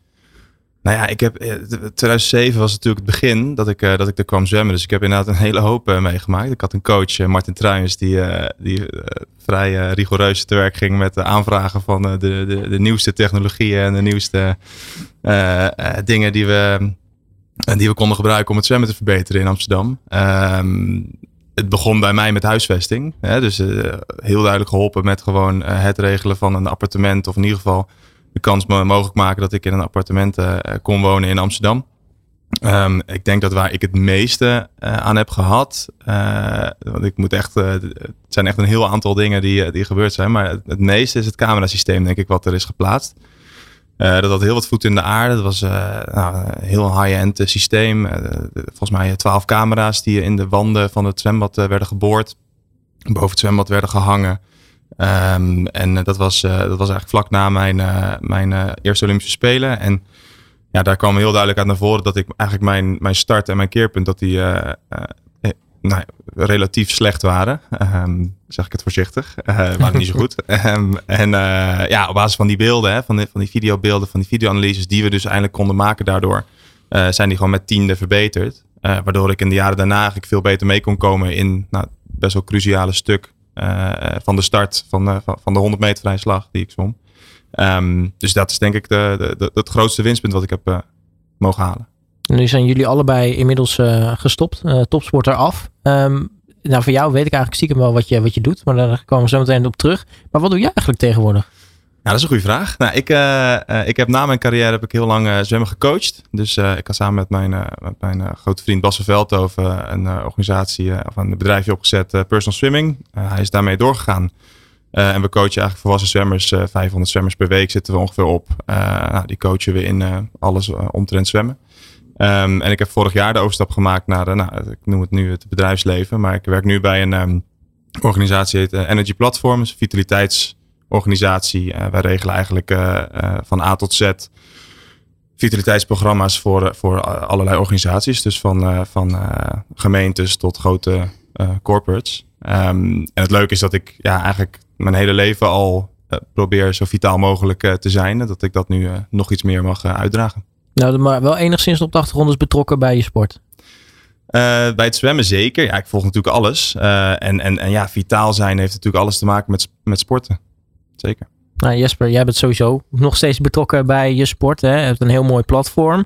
Um, ja, Topsterdam Amsterdam. Uh, hij zegt al, uh, camera's in het uh, zwembad. Dat zijn bijvoorbeeld dingen die mij ontzettend geholpen hebben in de carrière. Um, eigenlijk diezelfde vraag voor jou. Wat, wat zijn nou de dingen waar, waar jij zoiets hebt van... Ja, dat, dat heeft me echt verder gebracht.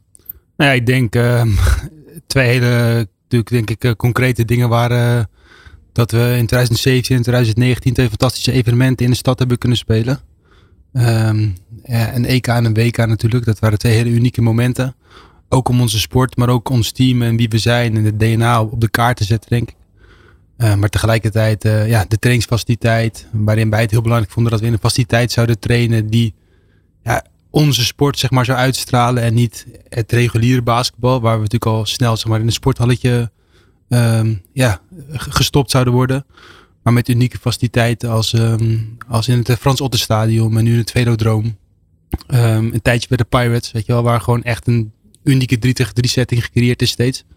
Ja, dat maakt het voor ons ook dat het een omgeving werd waarin we ja, datgene konden doen wat we het liefst deden, namelijk met 3 tegen 3 basketbal bezig zijn. En dan met de krachttraining eromheen, goede programma's, goede specialisten erop. Uh, ja, attributen als shooting machines die aangeschaft werden. Het is eigenlijk gewoon ja, de ideale omgeving gecreëerd om, uh, om topsport te beoefenen in een volledig nieuwe sport. Dus ook wel met een bepaald risico. Nou, nu, nu klinken dat eigenlijk als, als, als kleine dingen, maar die samen toch veel teweeg brengen voor, voor topsporters, Frank. Um, hoe is het om, om dat soort verhalen te horen? Want dat is denk ik voor jullie ook heel erg belangrijk om die feedback te krijgen van ja, dit, dit werkt echt, dit brengt ons echt verder. Uh, enerzijds maakt het je heel trots. Dat je, dat je, dat je weet dat er, nou, uiteindelijk deze jongens hebben het gedaan en wij niet. Maar dat je daar toch met de dingen die waar wij elke dag ons bed voor uitkomen, dat het toch impact heeft. Hè, dat het echt werkt.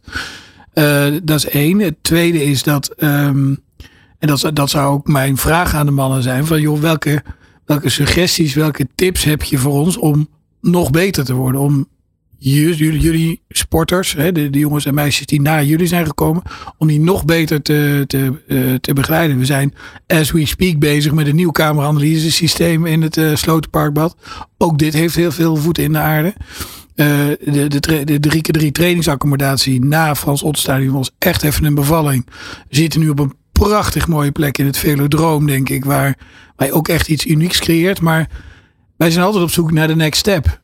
En um, nou ja, dat bespreken we uiteraard met technisch directeuren en coaches. Maar ook van de jongens die het, die het gedaan hebben, zou ik heel graag willen weten van joh, waar zou je ons op willen en kunnen prikkelen? Hè? Waar kunnen we beter in worden? Nou ja, Jesper, Sebastian, wat, wat zou dan de next step zijn? Ehm, nou ja, volgens mij hè, begint, begint topsport begint bij, bij, bij focus. Hè? Dus het begint bij uh, bijna, een soort, bijna een soort oefening van wat ligt binnen je macht, hè? waar heb je invloed op en waar heb je geen invloed op. Um, en eigenlijk als topsporter wil je dat cirkeltje van waar je invloed op hebt, wil je eigenlijk zo klein mogelijk houden. Hè? Dus, dus, dus waar kan ik wat aan doen uh, en op welke manier kan ik dat het beste doen. Um, dus, dus bij mij komt, bij zo'n vraag komt er dan eigenlijk meteen op van uh, ontzorgen. Hè? Dus zoveel mogelijk waar je ook maar kan, eigenlijk proberen te ontzorgen. Dus, dus in huisvesting, in voeding, in. Nou, bij ons ging het over uh, trainingstijden. Hè? Dus toen ik begon met zwemmen uh, bij, in Amsterdam, toen trainen we van, nou, ik weet het niet meer precies, maar volgens mij was het ergens tussen 6 en 8 ochtends en, en 6 en 8 avonds, zoiets. Um, ja, dat was gewoon, dat, waren gewoon geen topsporttijden. Hè? Dus, dus dat, dat, kan gewoon niet. Dus nou, daar ook in ontzorgd. Latere tijden, dat later in de ochtend, eerder in de middag. Um, en nou, wat ik zeg, huisvesting, maar ook ja, dat je eigenlijk op alle soorten manieren probeert om, om, om de situatie voor, de, voor die topsporter zo goed mogelijk te maken. En Um, volgens mij zijn jullie daar dagelijks mee bezig. Hè? Als, als Topster Amsterdam um, krijg je inderdaad die, die, die, vragen van, vanuit de coaches. Uh, de, de systeem. Ik, ik heb ervan gehoord inderdaad dat het nieuwe systeem uh, er gaat komen. Dus uh, dat, ja, dat, dat soort dingen. Daar, ik denk dat je daarin moet zoeken. Dus het zijn in de topsport volgens mij de kleine verschillen die uiteindelijk het grote resultaat gaan brengen. En als je elke dag op zoek bent naar die kleine dingetjes die je kan aanpassen. Ja, vanuit daar denk ik dat de, dat de grote resultaten gaan komen.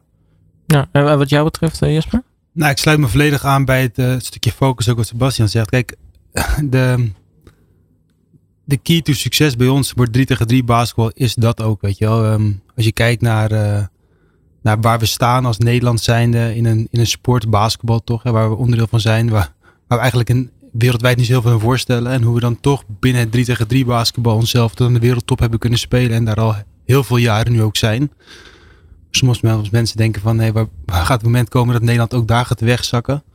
Omdat eigenlijk nou ja, alle landen die groot zijn in het reguliere basketbal ook om ons heen staan in het 3 tegen 3 basketbal. Maar toch kunnen we daar wel aan de wereldtop uh, structureel blijven deelnemen. Dat komt gewoon doordat er de juiste groep mensen bezig is, passie gedreven om deze sport aan het hoogste niveau te houden. Allemaal mensen die het van het begin af aan hebben meegemaakt, die nog steeds een belangrijke rol binnen die sport hebben. En, en daardoor moet je met elkaar ook als een als een soort van start-up blijven opereren in deze sport. Want die sport is ook nog in ontwikkeling. Dus als we aan willen blijven haken, zullen we steeds moeten zorgen dat we iedereen een stapje voor zijn. Dat doen we op, nou ja, denk met het topsportprogramma. Dat doen we door steeds met spelers in contact te zijn over welke speler een logische volgende stap is. Perspectief te bieden aan de hand van dat er ook na je carrière binnen de 3 tegen 3 sport mogelijkheden zijn. Ja, fantastisch maatschappelijk programma neer te leggen, maar ook unieke evenementen te organiseren. Waardoor het podium voor die sporters ook mega interessant is. En ik denk met die focus en ook daarin de risico's met elkaar durven nemen. Hè, want dat als je de beste wil zijn, hoort dat er ook bij. Mhm. ja, daarmee zijn we denk ik in Amsterdam op een hele unieke manier bezig. In een samenwerking met de gemeente Topsport Amsterdam. Met het Nationaal Teamprogramma, met onze organisatie. Uh, ja, dat zie je eigenlijk nergens anders in de sport terug. En dat moeten we met elkaar vasthouden en elkaar uit blijven dagen. En dan staat er nog een hele mooie toekomst, denk ik, uh, ja, ons te wachten met wie weet welke Olympische successen die daar eventueel bij gaan horen. Ja, nou Frank, uh, feedback. ja, nee, dat is, dit is inderdaad wat, uh, wat, wat jullie ook zeggen. Hier zijn we elke dag mee bezig. En daar hebben we uh, contact met, met coaches, met TD's, met, met, met atleten over van... Ja, vertel ons waar het beter moet en kan. En binnen de mogelijkheden die we hebben... want die zijn soms ook nog wel weer eens beperkt. Hè. Kijk naar zo'n analysesysteem. Ja, dat kost een paar kwartjes. het moet ergens vandaan komen. Um, en, en het is zoeken naar sponsors en het is zoeken naar steun vanuit Team NL, vanuit de gemeente, vanuit onszelf. Um, proberen wij elke dag die sport een beetje beter te maken. En um, nou, toen de 3x3 jongens zich kwalificeerden voor, uh, voor Tokio. Ik kan je verklappen, toen onze, onze Topsport Amsterdam app, die explodeerde. Want iedereen zat naar die pot tegen Frankrijk te kijken. Ik was een rondje aan het fietsen en zat op een bankje om nog even die wedstrijd te kunnen meekrijgen. Uh, want het was zo'n uniek moment. Uh, toen Arno zijn, zijn zilveren medailles haalde. Um, ja, die sporters zijn niet van ons. Hè? Die zijn van zichzelf. En als het zal van iemand zijn, zijn ze van de bond. Want die hebben alle rechten. Maar wij voelen zoveel betrokkenheid bij wat uh, nou, jullie in jullie tijd, maar jullie opvolgers in, in, in deze tijd aan het presteren zijn. Het, het voelt als onze, onze sporters. En um, nou, dat drijft ons ook, omdat we dan echt denken van ja, hoe kunnen we daar nou net iets extra's voor doen? En als er dan zich dat vertaalt in medailles of in resultaten of in publiciteit of wat dan ook, dan, ja, dan zijn wij plaatsvervangend trots. En dat, dat, dat, daar doen we het voor. Dus we willen ze ook beter maken. Je hebt het natuurlijk over uh, topsport. Nou, we weten breedte sport is ook een hele belangrijke uh, pijler voor jullie. Uh, nou, we kwamen er al even netjes op terug, of net op terug van wat jij nou eigenlijk nu doet. Je hebt natuurlijk ook 3x3 Unites. Dat is natuurlijk heel helemaal. als we het hebben over breedte sport, een, een, een prachtig programma waar jullie mee bezig zijn. Hoe belangrijk is zo'n 3x3 Unites voor, voor jullie ook als, als, als stad bijvoorbeeld? Ja, ik denk dat zowel Jesper als ook Sebastian die, die, die zwemlessen gaf aan scholen. Ja. Um, um, mannen zijn die, die begrijpen dat het een niet zonder het ander kan. En dat je de, de basis moet inspireren als topsporter. Maar dat uit die basis ook die topsporter. Daar zijn ze zelf ook uit voortgekomen. En uh, doordat zij in staat zijn om anderen weer te inspireren aan hun sport. Daar komen ook weer talenten uit voort. En die kunnen wij weer oppikken en, en weer verder brengen. En uh, volgens mij moeten jullie dat zelf vertellen. Maar daar, daar zijn jullie ook echt voorbeelden in. In niet alleen maar topsporter te zijn. Maar ook nog eens een keer die inspiratie en die maatschappelijke impact um, nou, de vorm te geven. Die zo belangrijk is ook voor de financiering voor het draagvlak en noem maar op. Voor, voor, voor wat we in topsport investeren. Nou, ik denk 3x3 United is ook bij jou, denk ik, ontsprongen uit die, die drive die je hebt om natuurlijk ook die sport verder te brengen dan naar waar het voor jou op topsportgebied ophoudt. Ja, zeker. En ook gewoon datgene wat ik geleerd heb uit de sport. Weet je wel, het, het, vanuit het niks, zeg maar, ergens naartoe groeien en in één keer succes ervaren, maar ook te ervaren dat je regie over het eigen succes kan nemen. En een hele mooie vertaalslag te maken naar de maatschappij, waarin inderdaad de toekomstige basketballetjes, zeg maar, raakt en ze mee kan nemen. Maar ja, het probeert ook veel breder te trekken, weet je. Uiteindelijk is het een boodschap die voor heel veel jongeren interessant is en waarbij je heel veel jongeren kan empoweren, zeker in deze tijd. Uh, rondom een sport, denk ik, die uniek is en waar uh, ja, een aantal hele mooie vaardigheden als in zitten, als, als het eigenaarschap pakken, leiderschap nemen. Die heel mooi terugkomen in het DNA van die sport. Maar ook die makkelijk te vertalen zijn naar allerlei sociale settings. Dus waardoor ik ook vind, met enigszins een roze bril, dat dat 3 tegen 3 basketbal eigenlijk ook de perfecte ja, sport voor development eigenlijk is. Weet je, waarmee je jongeren kan raken en iets unieks kan creëren. Ja, want uh, dichter bij uh, de straat eigenlijk kom je niet qua, qua sport. Exact, nee, ik denk, het, ja, ik denk de meest laagdrempelige teamsport in elk geval. Ja. Nou, toch even voor de mensen die zitten luisteren. De 3 3x3 Unites, wat, wat, wat is het precies? Nou, wat het is dat we ooit een programma gecreëerd hebben waarmee we jongeren opleiden tot rolmodellen in hun eigen wijk. Aan de hand van een uh, officiële opleiding niveau 2. En, uh, en, daarmee leren we de jongeren eigenlijk om ja, verandering teweeg te brengen in hun eigen omgeving. Uh, en dat gaat van het organiseren van evenementen tot pop-up trainingen, straatcompetities, maar ook meedenken met de gemeente over um, ja, het opknappen van de openbare ruimte. Ik denk gemeente Amsterdam uniek. Ik denk dat we in nu zes jaar tijd uh, meer dan 25 locaties in de openbare ruimte hebben opgeknapt. met de gemeente samen, maar allemaal door de vraag van jongeren. Um, maar ook daar vanuit groeit het perspectief. Dus we hebben jongeren die hebben een fantastische communicatieafdeling binnen onze organisatie. Die over het hele 3 tegen 3 communiceren. Van die verhalen van jongeren op straat. Tot aan onze toppers die Olympische Spelen halen. En daarin ook weer fantastische evenementen. Van dat straatcompetitie bij jou om de hoek. Tot een eerste Pro League waarbij je als talentvolle speler snuffelt aan de wereldtop. Tot aan het fantastische evenement waarbij alle beste teams van de wereld te zijn. En je kan laten inspireren door datgene wat er op het veld gebeurt. En uh, ja, dat ecosysteem proberen we met elkaar te creëren. Maar daar hebben we Topst Amsterdam voor nodig. Hebben we de, het nationaal teamprogramma nodig met de beste spelers. Want die, die, doen ook weer mee in datgene wat we doen. Dus ik zie het niet zozeer als verschillende organisaties. Ik zie het veel meer als de 3 tegen 3 sport met elkaar zo krachtig mogelijk neerzetten. En daarbij versterken we elkaar, denk ik. Nou, voor jou ook, uh, Sebastian. Nou, je hebt dus ook hè, mensen zwemles gegeven. Jullie helpen ook uh, zwemmers zich, uh, zich te ontwikkelen. ja, dat laat denk ik ook duidelijk zien dat jij ook inderdaad verder denkt dan de, de, de, topsport. Maar ja, het moet ergens beginnen. En daar is breedte sport denk ik een heel belangrijk onderdeel in. Ja, een van de mooiste dingen die ik heb mogen doen tijdens mijn carrière is... ik was ambassadeur schoolzwemmen in Amsterdam. En ja, wij gingen jaarlijks gingen wij langs verschillende zwembaden waar dan scholen een, een, zwemles deden.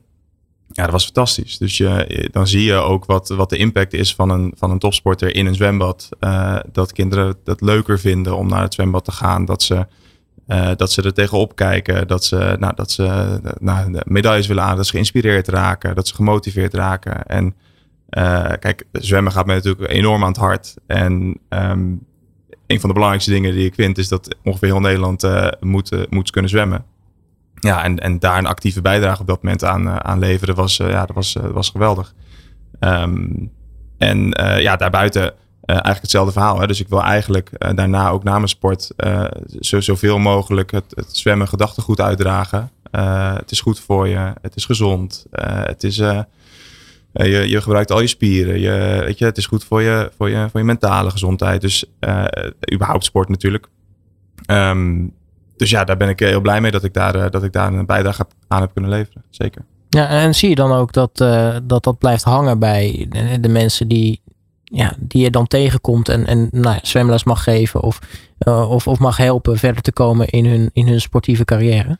Nou, wat mooi was dat, dat um, nou, ik train in Slotenpark wat in Amsterdam. en, en naast ons op de uren waren altijd scholen eigenlijk bezig, waren altijd scholen aan het zwemmen. Ja, en je, je ziet gewoon dat, dat, dat kinderen die echte zwemmers zien zwemmen, uh, dat ze uh, het leuker vinden om zelf te gaan zwemmen dan als ze dat niet zouden zien. Zeg maar. Je ziet gewoon meer enthousiasme, je ziet ze kijken, je, je ziet gewoon van nou op deze manier uh, zou ik ook wel willen kunnen sporten. en dat is natuurlijk niet voor iedereen weggelegd. Hè. Er zijn een paar voorwaarden waar je nog aan, aan moet voldoen. Maar in essentie is sport natuurlijk voor iedereen. En en dan is topsport uh, bijna een soort bijvangst. Dan gaat het veel meer over dat iedereen zoveel mogelijk moet kunnen sporten. Ja, dat is eigenlijk wat ik hoor bij jullie beiden, is dat kernwoord inspiratie. Dus uh, zien sporten, doet sporten. 100% ja. Ook als je het laagdrempelig ja, aanbiedt, weet je, dat, dat jeugd het gevoel heeft zeg maar, dat ze er onderdeel van zijn, in plaats van dat het die ver van je bedshow is. en dat is denk ik, dat moet je met elkaar creëren. Ja. Nou, ik, ik, ik zei het in een, eh, in een eerder half uurtje zei ik het al. De, de, medailles zijn inspirerend. Maar de weg ernaartoe is eigenlijk nog veel inspirerender. En dat hoor ik nu zowel uh, Sebastian als, als Jesper weer zeggen. Dat zien sporten, doet sporten. Uh, ja, die medaille, dan, dan word je een naam en dan, dan, dan, dan ben je ineens bekend. En dan, maar het, het, ja, wij, wij, wij, wij, vinden het heel belangrijk, ook als je kijkt naar bijvoorbeeld investeringen in Sporthallen Zuid straks dat je daar topsport, breedte sport, onderwijs, bewegingsonderwijs bij elkaar brengt. Dat als daar getraind wordt, dat de jeugd gaat zien van, oh kijk, en dit doen ze er dus voor. Aan de goede kant zien van hoe goed zijn ze, maar ook aan de andere kant van, oh, het is dus echt hard werken. En ja, ze gaan rusten na hun training en ze eten gezond en uh, uh, ze pakken hun studieuurtjes.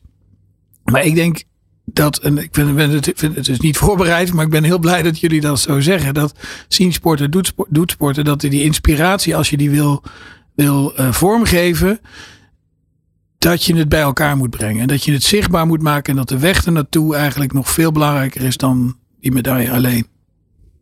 Ja. Sterker nog, achteraf, als ik dan terugkijk op mijn carrière, dan is de weg ernaartoe het, het enige belangrijke geweest van, van mijn hele carrière. Het vormt je als mens, het vormt je als sporter. Um, en, en uiteindelijk is het eindresultaat is, is wat blijft hangen um, bij mensen. Maar, maar wat er echt toe doet, is, is, is, is wat je hebt kunnen doen tijdens en wat je hebt kunnen ontwikkelen tijdens je uh, sportcarrière. Dus uh, nou, eigenaarschap, leiderschap, hè, dus alle, alle eigenschappen die je kan ontwikkelen gedurende je topsport. Ja, dat is uiteindelijk wat je de rest van je leven meeneemt. Ja, nu uh, is Topsport Amsterdam 25 jaar. Is het een, een mooi jubileum. Nee, jullie hebben uh, in die 25 jaar uh, jullie topsportcarrière ge gehad. jullie hebben van dichtbij mogen meemaken wat dat voor jullie als, als topsporters doet. Wat is nou in jullie ogen misschien de ultieme droom wat een, een, een faciliterende partij als Topsport Amsterdam kan doen met, met talenten, met de topsporters, met de breedte sport in, in jullie sport bijvoorbeeld? En dan, dan kijk ik eerst naar jou, Sebastian. Zo, dat is een grote vraag.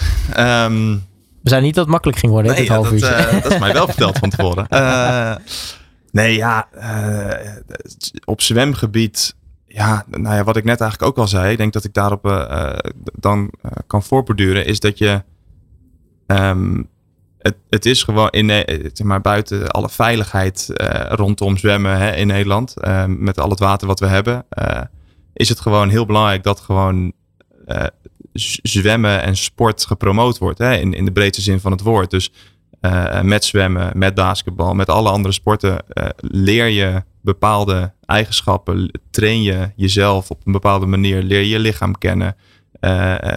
val je een keer door de mand. klim je een keer de heuvel op. win je een keer een medaille. Word je een keer de duizendste. En al dat soort dingen, hè, die veerkracht die je ontwikkelt, dat neem je gewoon mee in de rest van je leven. Dus, dus volgens mij, wat je, wat je zou willen, is dat je uh, een, een volledig pakket kan aanbieden van, van, van, van, van geboorte tot, tot, tot overlijden bijna. en in die 130 jaar hopelijk dat je je leven lang sport, zeg maar. En ik denk dat dat, dat, dat, dat misschien wel het allerbelangrijkste is van, nou, van, van sport in het algemeen, maar ook de taak van Topstad Amsterdam uh, dus, dus uh, natuurlijk, um, de topsporters moeten uh, gefaciliteerd zijn. Hè? Die, die, die moeten, alles moet ontzorgd worden. Maar buiten dat moet het ook een enorme inspiratie en motivatie zijn voor alle mensen daaromheen die, ja, die daardoor ook gaan sporten en zwemmen. Ja, en Jesper, voor jou dezelfde vraag. Je hebt er iets langer over kunnen nadenken, maar...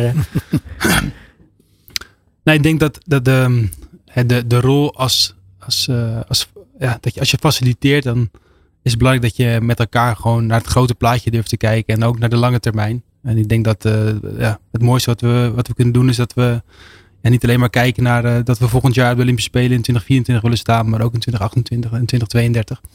Um, en dat we vooruit durven kijken met welke, ja, welke uitdagingen er mogelijk op ons pad komen en hoe kunnen we die voor zijn. Um, en ook daarin de, de, rol als verbinder pakken, denk ik. Weet je, met welke partijen moeten we samenwerken? Welke partijen zouden mogelijk nog kunnen aanhaken? Um, het grote plaatje met veel ambitie. Ik denk dat dat belangrijk is. En ik denk dat, dat daar Topst Amsterdam een hele goede rol pakt. En dat we daar in de toekomst uh, vooral vast moeten blijven houden. Nou, hartstikke mooi. Uh, Sebastian Verschuren en, en, Jesper Jobsen mag ik jullie hartelijk danken voor jullie komst naar de studio. En natuurlijk heel erg veel succes ook allebei met, met wat komen gaat. Dankjewel. Dankjewel. Alle sporten van binnenuit. All Sports Radio. All Sports Radio live. Waar we uh, ja, inmiddels al anderhalf uur ver zitten in een uh, speciale aflevering. Die in het teken staat van het uh, jubileum van Topstad Amsterdam. Want uh, Topstad Amsterdam bestaat 25 jaar. In het begin is eigenlijk de kern al verteld hè, van Topstad Amsterdam. We hebben het over verschillende pijlers die belangrijk zijn. We hebben het over talenten. We hebben het over accommodaties. We hebben het over nou ja, gemeentelijke evenementen. evenementen inderdaad. We hebben het over het bedrijfsleven. Nou, twee van die uh, pijlers komen uh, nou ja, nu terug. We hebben het over accommodaties. We hebben aan de ene kant uh, te gast Patrick Koopman, directeur van het Frans Otterstadion. En natuurlijk ook het bedrijfsleven, de partners. In ieder geval René Cohen van Leonardo Hotels. Allebei trouwens, welkom in de studio. Dankjewel. hoe belangrijk zijn deze twee pijlers die nu in de studio te gast zitten voor, voor jou als uh, Amsterdam, maar voor jou ook persoonlijk, Frank? Nou ja, onontbeerlijk. Um, zoals we eerder al zeiden, het begint met talenten. He, zonder talenten hebben we, zoals eh, Tom Krijn zei, uh, hebben we geen accommodaties nodig en hebben we geen evenementen nodig en dan hebben we ook geen VIP's nodig. Maar als je die hebt, dan wil je vervolgens die talenten, wil je die in de beste omgeving laten trainen. Um, je wil daar evenementen voor naar de stad halen. Maar we, moeten het ook allemaal maar financieren en mogelijk maken. Dus wij zijn ik zou bijna zeggen, afhankelijk van de steun van, het, uh, van de particuliere sector. En um, nou, hier zijn twee partijen die uh, zich aan ons verbonden hebben, om ieder om hun moverende redenen. Uh, um, en dat moeten ze zelf, denk ik, kunnen ze dat het best vertellen. Um, maar wat ik, wat ik merk, en, en, dit, en, zowel Leonardo als Frans Otte zijn, zijn voorbeelden van waar, waar er zit een zakelijke component aan, maar er zit ook altijd uh, iets van passie, er zit iets van, van gunnen, er zit iets van de wil om talentontwikkeling te promoten. En ja, ik kan, ik kan zeggen dat dat belangrijk is, maar ik vind het veel mooier dat, dat zij hier zijn om dat toe te lichten waarom zij die keuzes gemaakt hebben. En natuurlijk doen we met het Frans Stadion hebben we ook, we hebben net over drie keer drie basketbal gehad, hebben we de hele tijd daar een trainingsaccommodatie kunnen inrichten. Um, dus, dus ja, die combinatie is er van beide. Maar ik ben heel blij dat jullie, uh, dat jullie hier ook een half uur aanwezig willen zijn. Zeker. Ja, Patrick, uh, begin ik even bij jou, uh, directeur van het Frans Hottenstadion. Mm. Nou, als ik denk aan nou ja, de interviews die ik gehad heb met mensen over het Frans Hottenstadion, dan ging het natuurlijk over, over het squash. Want nou ja, we hebben het dan nu over accommodaties. Evenementen komt eigenlijk ook bij kijken, want nou, het Frans Hottenstadion is natuurlijk al meerdere keren organisator geweest van, van prachtige internationale squashtoernooien. Ja, klopt. We hebben EK's, WK's en natuurlijk ieder jaar ook het NK uh, wat we hosten. Um, ja, net zoals je zegt, prachtige nationale en internationale evenementen. En uh, belangrijk ook voor de sport, uh, zichtbaarheid van de sport. Het is niet iets wat, wat men zomaar snel zal kiezen. Um, bijvoorbeeld nu, dit, dit moment doen wij bijvoorbeeld ook eredivisie squash voor het eerst. waar toch de wereldtop bij ons speelt. Eigenlijk iedere woensdag. Um, ja, het is super gaaf om te zien. Het is gewoon smullen voor de, voor de sportliefhebber. En uh, zelfs mensen die niet met squash in aanraking zijn gekomen, die blijven toch even stilstaan om te denken van hé, hey, wat gebeurt hier? Um, ja, super gaaf. Ja, wat kun je allemaal vertellen wat er allemaal voor mooie dingen gebeuren daar in dat Frans Stadion? Nou ja, voor het eerst, uh, eigenlijk het belangrijkste is dat wij iedere dag met heel veel plezier en, en passie, zeg maar, 1600 gasten, unieke gasten per dag bedienen. En dat is, dat is van, uh, van de scholier tot aan de, zoals de gemeente dat zo mooi noemt, de stadsveteraan die bij ons komen en, en hun sport beoefenen. Of dat nou tennis is, squash is of recentelijk ook padel. Of uh, ze bij een van de sportverenigingen zitten, zoals bijvoorbeeld Kendo. Uh, we hebben de grootste schermvereniging van Nederland, Schermcentrum Amsterdam. We hebben de Balletacademie. Um, ja, noem maar op. En nog, veel meer kleinere organisaties. Um, en iedereen vindt daar zijn eigen weg. En uh, ja, dat doen we eigenlijk altijd met heel veel plezier. En eigenlijk, zoals ik altijd zeg, we hebben 365 dagen per jaar vakantie. Uh, en zo is het hoe, hoe, hoe het voelt. En, en waar komt uh, voor jullie dan uh, Topsport Amsterdam om de hoek kijken? Nou ja, Topsport Amsterdam, toen ik bij het Frans ging werken, was er al. En, en daarom heb ik veel plezier ook geluisterd naar het eerste deel met, met Tom Krijns. Want wij zijn een familiegerunde onderneming. Ehm, we hebben ons helemaal op, ja, opgewerkt eigenlijk tot wat, wat er nu staat.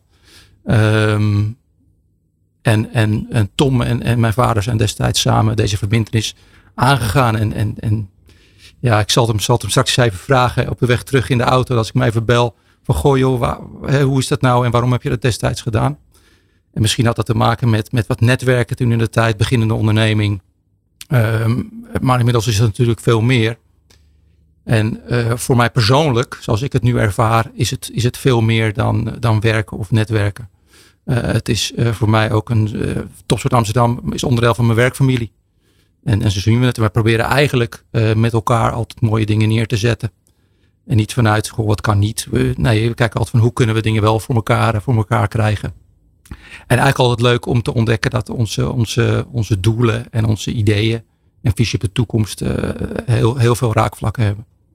Ja, René Cohen ook bij ons in de studio. Je bent van uh, Leonardo Hotels. Uh, sales Director B2B Sales Team Benelux. Als ik het uh, helemaal goed uit mijn hoofd zeg. Nou, dan heb je mijn LinkedIn profiel bekeken. maar nou ja, natuurlijk hebben we het dan nu over de, de, de, het business aspect. Hè? Het ondersteunen van topsport in, in Nederland. Maar ja, jij hebt natuurlijk zelf ook een vrij directe link met de topsport. In dit geval het hockey. Dat klopt. Ja, ik ben voormalig hockeyscheidsrechter op het hoogste niveau uh, mondiaal. Uh, wel een tijdje geleden hoor. In uh, Sydney 2000, Athene 2004 was ik namens de Internationale Hockeyfederatie aanwezig op de Olympische Spelen om daar te fluiten. Ja. Ja, dat, maar dat, laat eerlijk zijn, dat, dat, dat, dat is niet niks. Dat, dat is natuurlijk fantastisch om dat mee te maken. Het, het, meemaken van een Olympische Spelen van binnenuit is het meest fantastisch om mee te maken. We zien altijd de sporters, terecht, die krijgen het podium. Uh, maar de officials, de scheidsrechters en alle andere mensen die vanuit de diverse federaties naar de Spelen gaan, nou, die zouden wat mij betreft best wel wat meer uh, erkenning mogen krijgen. Want het is hard werken. Ook dat, uh, het scheidsrechterij is ook topsport. Nou, ik, ik denk ook dat, dat, dat bonden misschien wat, wat meer waardering mogen tonen voor de mensen die zij afvaardigen naar zo'n nou, sport op het hoogste niveau. Want hoger natuurlijk kan dat niet. Dus nou, je hebt natuurlijk hè, de sporters waar alle aandacht naar uitgaat. Maar een bond mag natuurlijk ook gewoon officials af, uh, afleveren? Ik denk dat een bond officials moet afleveren. En dat een bond uh, de officials op een, op een professionele manier moeten begeleiden om naar het hoogste niveau te komen. En ik moet zeggen, binnen de hockeybond en mijn contacten bij de hockeybond zijn de afgelopen jaren wat minder geweest. Maar daarin heeft de hockeybond de afgelopen jaren ook echt wel wat stappen gemaakt. Dat was in mijn tijd, was je erg op jezelf aangewezen. Ik denk dat in de latere jaren ook echt wel trainingsprogramma's voor de arbitrage op, op zijn gezet. Nou, nu uh, actief namens Leonardo Hotels. Ja. Uh, hoe is het om daar uh, actief te zijn? Ja, nou, het heeft weinig met sport te maken. Ik, het, het, overigens, het scheidsrechterij is een hobby. Dus ik heb dat altijd naast mijn werk gedaan. Ik werkte eh, ruim, ruim 30 jaar in, in, de, in de Amsterdamse hotellerie in diverse rollen. Sinds 2,5 jaar bij Leonardo Hotels. En ja, ook dat is een, een sport om een, een nieuw hotelmarktmerk op de, in de markt te zetten. Uh, Leonardo Hotels is pas sinds 2018 uh, aanwezig met dit merk in Nederland, nadat het voorheen uh, bekend stond als de Apollo Hotelgroep. Dus ook het, het Amsterdamse Apollo Hotel uh, behoort tot onze groep. En daar ligt dan ook meteen een prachtig mooie link naar Topsport Amsterdam. Want dit hotel is ooit gebouwd in 1928 uh, voor de Olympische Spelen hier in, in Amsterdam. Nou, dan komt alles eigenlijk een beetje samen. Hè? Dan is het een klein cirkeltje eigenlijk. Ja, zeker weten. Hoe is, hoe is voor jullie Topsport Amsterdam ooit om, om de hoek komen kijken? Uh, nou, een beetje het verhaal uh, van Patrick ook. Wij hadden al een sponsordeal met Topsport Amsterdam toen ik 2,5 jaar geleden bij de organisatie kwam. Overigens midden in corona en alles lag, lag stil. Um, Frank zei net terecht, passie en gunnen. Nou, passie en gunnen ligt absoluut, mijn hart ligt bij Topsport Amsterdam, ligt bij de sport. Maar tegelijkertijd ook het positioneren van Leonardo Hotels als nieuw merk in Nederland als de ideale locatie voor sportevenementen. Uh, ja, dat is de commerciële achterliggende gedachte. Uh, merkbekendheid voor, met organisaties waar je dezelfde waarde voor hebt. Maar tegelijkertijd harde oeieroos, gewoon geld verdienen. Door mooie sportevenementen, internationale evenementen bij ons te laten overnachten. En te laten vergaderen. Ja, want zijn dat de dingen die voor Leonardo Hotels ook de, de meerwaarde bieden aan, aan de, de, partnership die jullie hebben met Topsport Amsterdam. Want je, aan de ene kant steek je natuurlijk geld in de ontwikkeling van topsport, breedte sport in de hoofdstad. Aan de andere kant, nou ja, als er natuurlijk evenementen naar de stad eh, komen, zijn jullie natuurlijk bij uitstek een van de plekken om dan uh, sporters te huisvesten. Absoluut. Nou, het, het, is tweeledig. Aan de ene kant een, een, een, het, eh, de, passie voor de sport. Dus Topsport Amsterdam willen ondersteunen vanuit de, onze eigen positionering als sportvriendelijk uh, hotelketen. Maar heel eerlijk gezegd, ik, was, ik ben director sales. Dus het gaat om de omzet die we, die we via het netwerk kunnen organiseren. En de aanbevelingen die wellicht Topsport Amsterdam links en rechts is zou kunnen doen. Waarbij overigens Topsport Amsterdam zelden of nooit de boekende partij is. Maar zij weten wel op voorhand welke internationale toernooien uh, bids voor uitgedaan worden. Waar wij vervolgens met, of direct met de organisatie of via intermediairs zoals een TIG Sports, uh, weer kunnen samenwerken om het uh, event naar Amsterdam te halen. Nou, ik, ik, kan me voorstellen dat het best nog wel wat voeten in de aarde heeft om, uh, nou ja, als er een heel groot evenement naar een stad toe komt, om dan al die atleten te, te, mogen, te mogen huisvesten. Dat is, en dat is logistiek best een hele grote uitdaging, dat klopt. Ja. Ja, neem ons even mee in zo'n zo'n zo'n traject. Want hoe werkt dat met die, met die uitdaging? Hoe zorg je dat alles op het moment dat het er is, tot in de puntjes klopt? Ja, nou even daar. Wij zijn een hotelketen. Wij hebben vijf hotels in Amsterdam. Een aantal van onze hotels, eigenlijk drie, liggen ook heel gunstig ten opzichte van de diverse sportaccommodaties. Wij huisvesten de atleten. Dus wij bieden ze hotelkamers. Wij zorgen ervoor dat er een ontbijt, eventueel een lunch en een, en een diner is. En daar houdt onze service op. Dus het hele logistieke geheel eromheen wordt vaak door uh, partijen als, als TIG of andere uh, intermediairs uh, gedaan. En wij moeten ervoor zorgen dat gedurende het ver verblijf de mensen op, optimaal uitgerust zijn. Goed, gezond en lekker te eten krijgen. En voldoende te eten en te drinken krijgen. En het vooral alles wat wij kunnen bijdragen om hun prestaties te kunnen verhogen. Frank, komt dan, ik hoor eten voorbij komen. Komt dan bijvoorbeeld de, topsportkeuken dan ook daar om de hoek kijken? daar nog niet. Um, de topsportkeuken is met name nu actief voor de trainingsprogramma's. Uh, wordt niet ingezet nu voor de grote evenementen. Simpelweg omdat we de capaciteit niet hebben. Waar we mee bezig zijn is een concept met vries-vers maaltijden. Waarbij nu, daar zijn we nu de, de eerste pilots mee aan doen. Waarin we straks mogelijk ook evenementen zouden kunnen servicen. Um, wat, wat, wij bijvoorbeeld doen, en, en daar, komt, daar wordt de cirkel nu wel weer mooi rond als je het hebt over de Olympische Spelen. Amsterdam is lid van de World Union of Olympic Cities. Daar hebben we het wel eens over gehad hier. Um, dit jaar mogen wij in Amsterdam de World Union twee dagen ontvangen. Um, en wat is er mooier dan allerlei vertegenwoordigers van Olympische steden over de hele wereld, met uitzondering van Rusland, um, in Amsterdam te ontvangen in kamers die gebouwd zijn voor de Olympische Spelen in 1928 en die ingericht zijn. Nou, dus dat gaat gebeuren. En dat is denk ik een, hele mooi voor, een heel mooi concreet voorbeeld wat een partnership uh, met ons kan opleveren. En anderzijds hoe wij ons ook committed voelen aan onze partners. Om te zeggen, ja, als jullie in ons investeren, dan willen we ook graag dat nou, wat René Cohen zegt, uh, terecht, ik ben directeur of sales, dan moeten kamers gevuld worden. Ja. Heel simpel. Dat lukt dat over het algemeen wel in Amsterdam. Dat is niet zo heel moeilijk. Tegenwoordig weer. Um, maar dan willen we daar wel een bijdrage leveren, want het draagt bij aan de positionering zoals uh, Leonardo dat wil doen. En ja, dat is ook zoals wij kijken naar partnerships. Met, uh, en dat geldt hetzelfde met Frans Ottenstadion, maar hetzelfde geldt ook met, met onze andere partners. Dat we zeggen, ja, wij proberen wel te zorgen dat jullie ook gewoon zakelijk gezien uh, het gaat uiteindelijk om muntjes, hè? Het, is, gunnen en, en, en, en, en passie is leuk. Maar uiteindelijk moet er ook wat verdiend worden. En dat snappen wij ook. En daar proberen we echt aan bij te dragen. En dat lukt soms omdat wij invloed hebben of omdat we de, de, netwerken hebben. Soms ook niet, omdat wij simpelweg niet de bestedende partij zijn. Maar we proberen wel te zorgen van, joh, er is een moreel commitment om te investeren bij de partners die ook bijdragen aan talentontwikkeling. Patrick, nu is denk ik eh, de samenwerking met Tom Amsterdam eh, wat minder ingericht op het, eh, nou ja, in ieder geval niet het vullen van kamers of, of, of in ieder geval de sportaccommodatie, mhm. maar heeft het meer met andere dingen te maken. Wat is nou voor jullie de meerwaarde die een, een, nou, de samenwerking, de partnership met Topsport Amsterdam voor jullie biedt eigenlijk? Meerwaarde. Als je, als je kijkt naar, kijk, ik, ik, wij werken samen met, met Topsport Amsterdam, maar we werken eigenlijk samen met Frank, Frank en, en, en, al die mensen die daar, die daar werken. En we weten elkaar te vinden, niet alleen voor, om, hè, op de korte termijn zeg maar, uh, daar commercieel, een commercieel belang uh, te dienen. Maar ook bijvoorbeeld op de lange termijn te kijken naar, goh, wat kunnen we nou voor elkaar betekenen? Wat kunnen we voor de stad betekenen? Nu kunnen we die sportieve wereld nou iedere keer een beetje, een beetje mooier maken.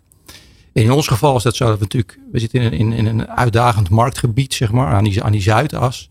En, en we vinden sport allemaal belangrijk. En, en in, in mijn geval, we zitten in een familiegerunde onderneming. Dus we hebben ook een lange termijnvisie. En we hopen het allemaal door te geven aan de komende generatie, zeg maar. Mhm. En dan moeten we toch op een gegeven moment ook, ook, ook borgen. En als je daar, daar goed over nadenkt. En ik, ik, ik vind het heerlijk als ik daar met, met Frank altijd een beetje zo ongedwongen. met een Heineken biertje gewoon even lekker, lekker kan, eh, kan, over kan filosoferen. Dan hebben we daar uh, wij moeten, moeten op een gegeven moment ook iets gaan ontwikkelen. En we moeten iets, iets gaan neerzetten daar. Anders worden we gewoon, um, ja, dan, zitten we daar gewoon over een aantal jaren niet meer. Dat hebben we al eerder gehad met Frans op het stadion. Toen konden we nog uitwijken naar de plek waar we nu zitten. En anders is dat er op een gegeven moment niet meer. En dat is, dat is vervelend, want dat is niet wat we willen. We, ik zeg, we willen het aan de volgende generaties doorgeven. En we willen dat de mensen in de stad gewoon op een goede manier in een mooie accommodatie kunnen blijven sporten. Dus daar zullen dingen voor moeten, voor moeten gebeuren. En uh, ja, Topsport Amsterdam helpt ons heel erg zeg maar, in die connectie leggen met, met de gemeente. Uh, met bijvoorbeeld een Henk Stokhoff die hier net zat. En dan moeten we dit soort dingen die we, die we bedenken, moeten we ook daar gewoon uh, aan uh, verkopen eigenlijk. En zeggen van jongens, dit is misschien wel een heel goed idee om te doen.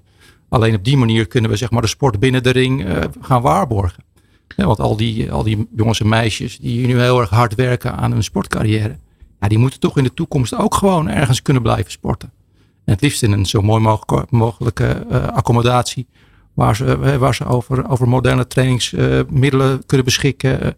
topsoort maaltijden kunnen nuttigen. En eigenlijk zodat ze alleen maar aan een sport hoeven te denken. En nou ja, dat zou helemaal mooi zijn. medailles kunnen winnen.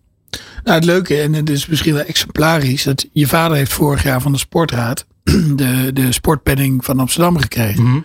als, als een blijk van waardering voor zijn inzet en met, met zijn, de familie, uh, voor de sport in Amsterdam. Want dat gaat al jaren terug. En dat is, natuurlijk, het is een commercieel bedrijf. -hmm. Maar er zit, het is wel een partij die echt voor de sport in Amsterdam gaat. En of het nou tennis, squash, schermen, uh, whatever is.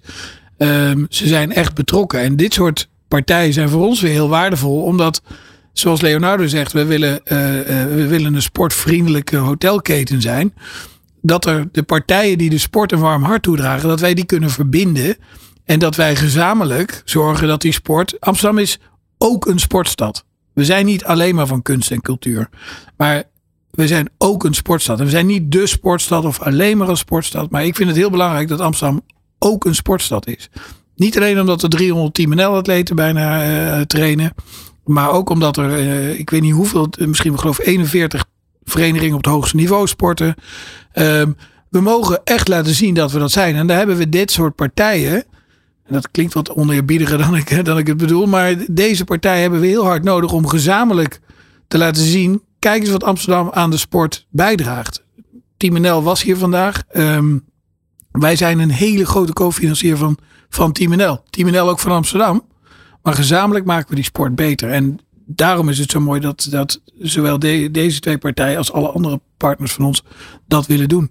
Ja, ik, vind het wel mooi dat hij eigenlijk hè, meerdere kernwoorden kan laten terugkomen in zijn uitzending. Nou, net met, met Jesper en met Sebastian was het dan uh, inspireren. Uh, kijken naar de volgende generatie, dat, dat doorgeven, uh, mensen aan het sporten brengen. nou ja, wat zeg je, ziet sporten, doet sporten. hier is dus eigenlijk het, het verbinden, het, het kernwoord eigenlijk. Absoluut. Het is, um, ja, als ik naar mijn baan kijk, um, niks is van ons sporters zijn niet van ons. We, moeten zorgen dat we wat rechten krijgen die we kunnen verkopen. Maar wat wij, wat ik eigenlijk de hele dag doe, is verbinden. Een vreselijk woord, maar het is wel wat we doen. Dus al die partijen bij elkaar brengen. Wij hebben heel weinig centjes, dus we kunnen niet zelf bepalen wat er gebeurt. Maar we proberen iedere keer te zeggen: joh, praat eens met die. Betrokken bij deze. Nou, uh, we brengen de World Union bij René uh, in contact. Um, en zo, zo, zo zijn wij voortdurend bezig met maar één doel de jongens die hier net zaten en hun opvolgers beter te maken. En hun dromen te helpen realiseren. Daar komen wij als bed voor uit, samen met die partijen die dat mogelijk maken. Nou, René, als je dan uh, misschien wat voorbeelden mag noemen. Waar, waar, hebben jullie als, als Leonardo Hotels nou in dat verbinden, in dat netwerken ontzettend veel aan Topsport Amsterdam gehad? Nou, uh, gehad en nog steeds hebben is uh, vooral de Business Club. Waarbij alle mensen die Topsport Amsterdam een warm hart toedragen op regelmatige basis bij elkaar komen. Eh, voor kennissessies, eh, maar ook voor gezellig een, een hapje en een drankje. En ja, daar leer je wel mensen kennen die of decision maker zijn, of in ieder geval beïnvloeder zijn van bepaalde beslissingsprocessen. Oftewel een business network, wat zakelijk gezien gewoon heel interessant is. Ja, en, en voor jullie, uh, Patrick, met, met het Frans Ottenstadion? Mm -hmm. Nou ja, ik ben, ik ben niet, ja, misschien moet ik dat wel eens een keer veranderen, maar ik ben niet zo heel vaak op de business club te vinden, zeg maar. En ik vind, vind Topsport Amsterdam weer op andere manieren. En, en eigenlijk wat, wat net even bijblijft, dat stukje wat je zei, uh, een stukje met Jesper ook over inspireren. Ja, maar dat is, dat is ook wat wij doen. Hè? Uh, als je aan mij vraagt, wat is het mooiste moment van vorig jaar bijvoorbeeld, uh, om even terug te komen op de 3x3. Op moment komt bij ons in de zaak komt er een gast en, en die meneer die komt normaal niet op die dag dat hij binnenkomt. Ik zeg, goh, wat komt u doen? En zegt hij, ja, maar ik kom even bij die 3x3 kijken. Ik zeg, oh, wat leuk. Ja, want ik had het nog nooit gezien. En ik heb het nu gezien en ik kom nu iedere dag langs, want ik wil die jongens zien trainen en ik vind het super gaaf. En die meneer heeft ook gewoon voor die, voor die buis gehangen en, en gekeken hoe zij het fantastisch hebben gedaan op de Olympische Spelen. Kijk, dat vind ik eigenlijk de mooiste, de mooiste verhalen, zeg maar. En, en um, dat is ook het cadeau wat Topsport Amsterdam ons biedt. Maar we doen samen die programma's. Maar dit soort dingen zie ik zeg maar dagelijks en daar word ik gewoon warm van. Vind ik mooi. Hetzelfde als, als um, ja, ook het, het, hele proces eromheen, die trainers en die spelers. Het, het, is gewoon een genot om te zien. En eigenlijk zou je daar gewoon een soort van real life soap van kunnen maken. Dat zou ja, een grandioos idee zijn. We hebben het in eerdere half uurtjes gezegd. Hè? Ja, maar er zit zoveel in. Al die emoties. Ja. Ik, zie, ik zie, zie coaches, zie ik beslissingen moeten nemen. Uh, harde beslissingen soms ook. En dan denk ik, ja, het is een zakelijk en even een vervelende man dat hij dat nou doet. Maar wat men niet ziet, dan zie ik hem, zie ik hem traantje wegpinken in een hoekje als niemand kijkt. En dan, dan weet je, dan, dan dan knuffel je even en dan denk je, hey, dan heb je even zo'n gesprek met zo'n man. Kijk, dat zijn voor mij de mooiste momenten eigenlijk uit, uit het afgelopen jaar. Kijk, en um, ja, dat is eigenlijk wat ik zeg, het is echt een cadeau. De weg ernaartoe, die inspireert. Die medaille is leuk, maar de weg ernaartoe, ik, ik, het is ja. weer, weer een illustratie ja, van Frank en ik die huilen soms wel eens met z'n tweeën. Als wij hele moet ik eigenlijk misschien niet vertellen draaien. Nee, je mag alles vertellen. Bijna alles. maar, maar dat doen we af en toe, omdat het gewoon mooi is wat we zien, zeg maar. Ja, het is gewoon heerlijk wat ik zeg, 365 dagen per jaar vakantie. Ja. Nou ja, ja. Sport is emotie, toch? Ja, het is heerlijk. Precies. Ja. ja. Nou ja, dat als ik daar nog even op in mag haken. We hebben uh, afgelopen jaar de Der Mannschaft uh, in huis gehad. Daar had overigens Topsport Amsterdam niet zoveel mee te maken. Maar dan zie je ook je medewerkers in het hotel. Die dan met al die beroemdheden uh, het ontbijt mogen serveren. De kamer schoon mogen te maken. Dat heeft zo'n ontzettende impact ook in het hotel. Men is echt flabbergasted. Men vindt dat fantastisch. En we hebben nu de Duitsers gehad. We hebben het hele EK voedsel hebben we gehad vorig jaar januari. alle hotels in Amsterdam leeg. En wij hadden vier weken lang uh, uh, vol huis. Uh, maar het, het, het binnen hebben van al die sterren. De padelsterren die we bij ons hotel in Rembrandt Park hebben gehad. We hebben veel Spanjaarden en Argentijnen bij ons op dit moment werken. Dat wij ook hotels hebben op Mallorca, Ibiza, die in de wintermaanden dicht zijn. En die mensen komen dan in de wintermaanden bij ons in Amsterdam werken. Fantastisch. Die mensen die willen dus bij ons werken omdat ze weten dat ze bij ons met dit soort mensen ook uh, in aanraking komen. Ja, heerlijk is dat hè? Ja. Ja, we, hebben, we hebben bijvoorbeeld ook gezien met, met, met de 3x3 op de, de, de spelers die dan niet naar, naar de Olympische Spelen gingen, die bleven achter. Die hebben met de medewerkers, hadden ze op de momenten dat er gespeeld werd, was er eten geregeld, was er ontbijt en iedereen ging met elkaar kijken en iedereen was gewoon ja, daarmee bezig. Ja, hoe lekker is dat jongens? Ja. Ja, soms zijn wij er ook nog wel eens versteld van. Je moet af en toe niet vergeten. We werken dagelijks met topsporters. Maar hoe inspirerend die kunnen zijn voor jeugd, voor, voor anderen. Die, gewoon simpelweg het feit dat je ze mag bedienen in het restaurant of dat je hun kamer. De waarde van die sporters is zo groot. Die, die impact van, van die jongens en meisjes. Die heel veel risico nemen. Hè? Want er zijn natuurlijk maar een paar die de echte top halen. Um, en die te mogen ondersteunen en te kijken hoe die weer arbeidsmarkttechnisch uh, uh, van waarde kunnen zijn voor, voor onze partners. Ja, dat, dat blijft inspireren. Dat blijft heel mooi. Ja. ja. En tot slot, uh, René, voor jou de vraag. hoe zie jij de, de, de toekomst van nou ja, de samenwerkende partnership wat jullie hebben met, met Topsport Amsterdam? Nou ja, sinds 2018 in de markt. jij bent er nu 2,5 jaar bij. ik hoor hele mooie verhalen voorbij komen. Hoe, hoe zie jij nu de, de toekomst? Nou, vooral uh, verdiepen. Uh, de samenwerking, het contact, het verbinden wat Frank doet is fantastisch. Daar moeten wij uh, de, de juiste cijfers, de juiste omzet vandaan halen. Het juiste netwerk mee op kunnen bouwen. En het merk Leonardo op een juiste manier in de markt kunnen blijven zetten. En dan hoop ik dat wij nog heel lang met elkaar kunnen samenwerken. En Patrick, voor jou dezelfde vraag. Hoe zie jij de toekomst van jullie partnership? Ja, die zie ik heel rooskleurig in. Nee, we blijven dat natuurlijk uiteraard gewoon doen. Wat ik al zei, uh, Topsport Amsterdam is een onderdeel van onze werkfamilie. Daar voelen we gewoon heel veel voor. Familie zegt natuurlijk alles. Um, en bij ons, wij trekken samen op om gewoon te, ervoor te zorgen dat wij die Urban Sport Campus gaan realiseren. En dat uh, mijn vader die gaat openen. Dat zou heel mooi zijn. Dat zou ja, fantastisch zijn. Een van de dingen die we willen realiseren in de toekomst.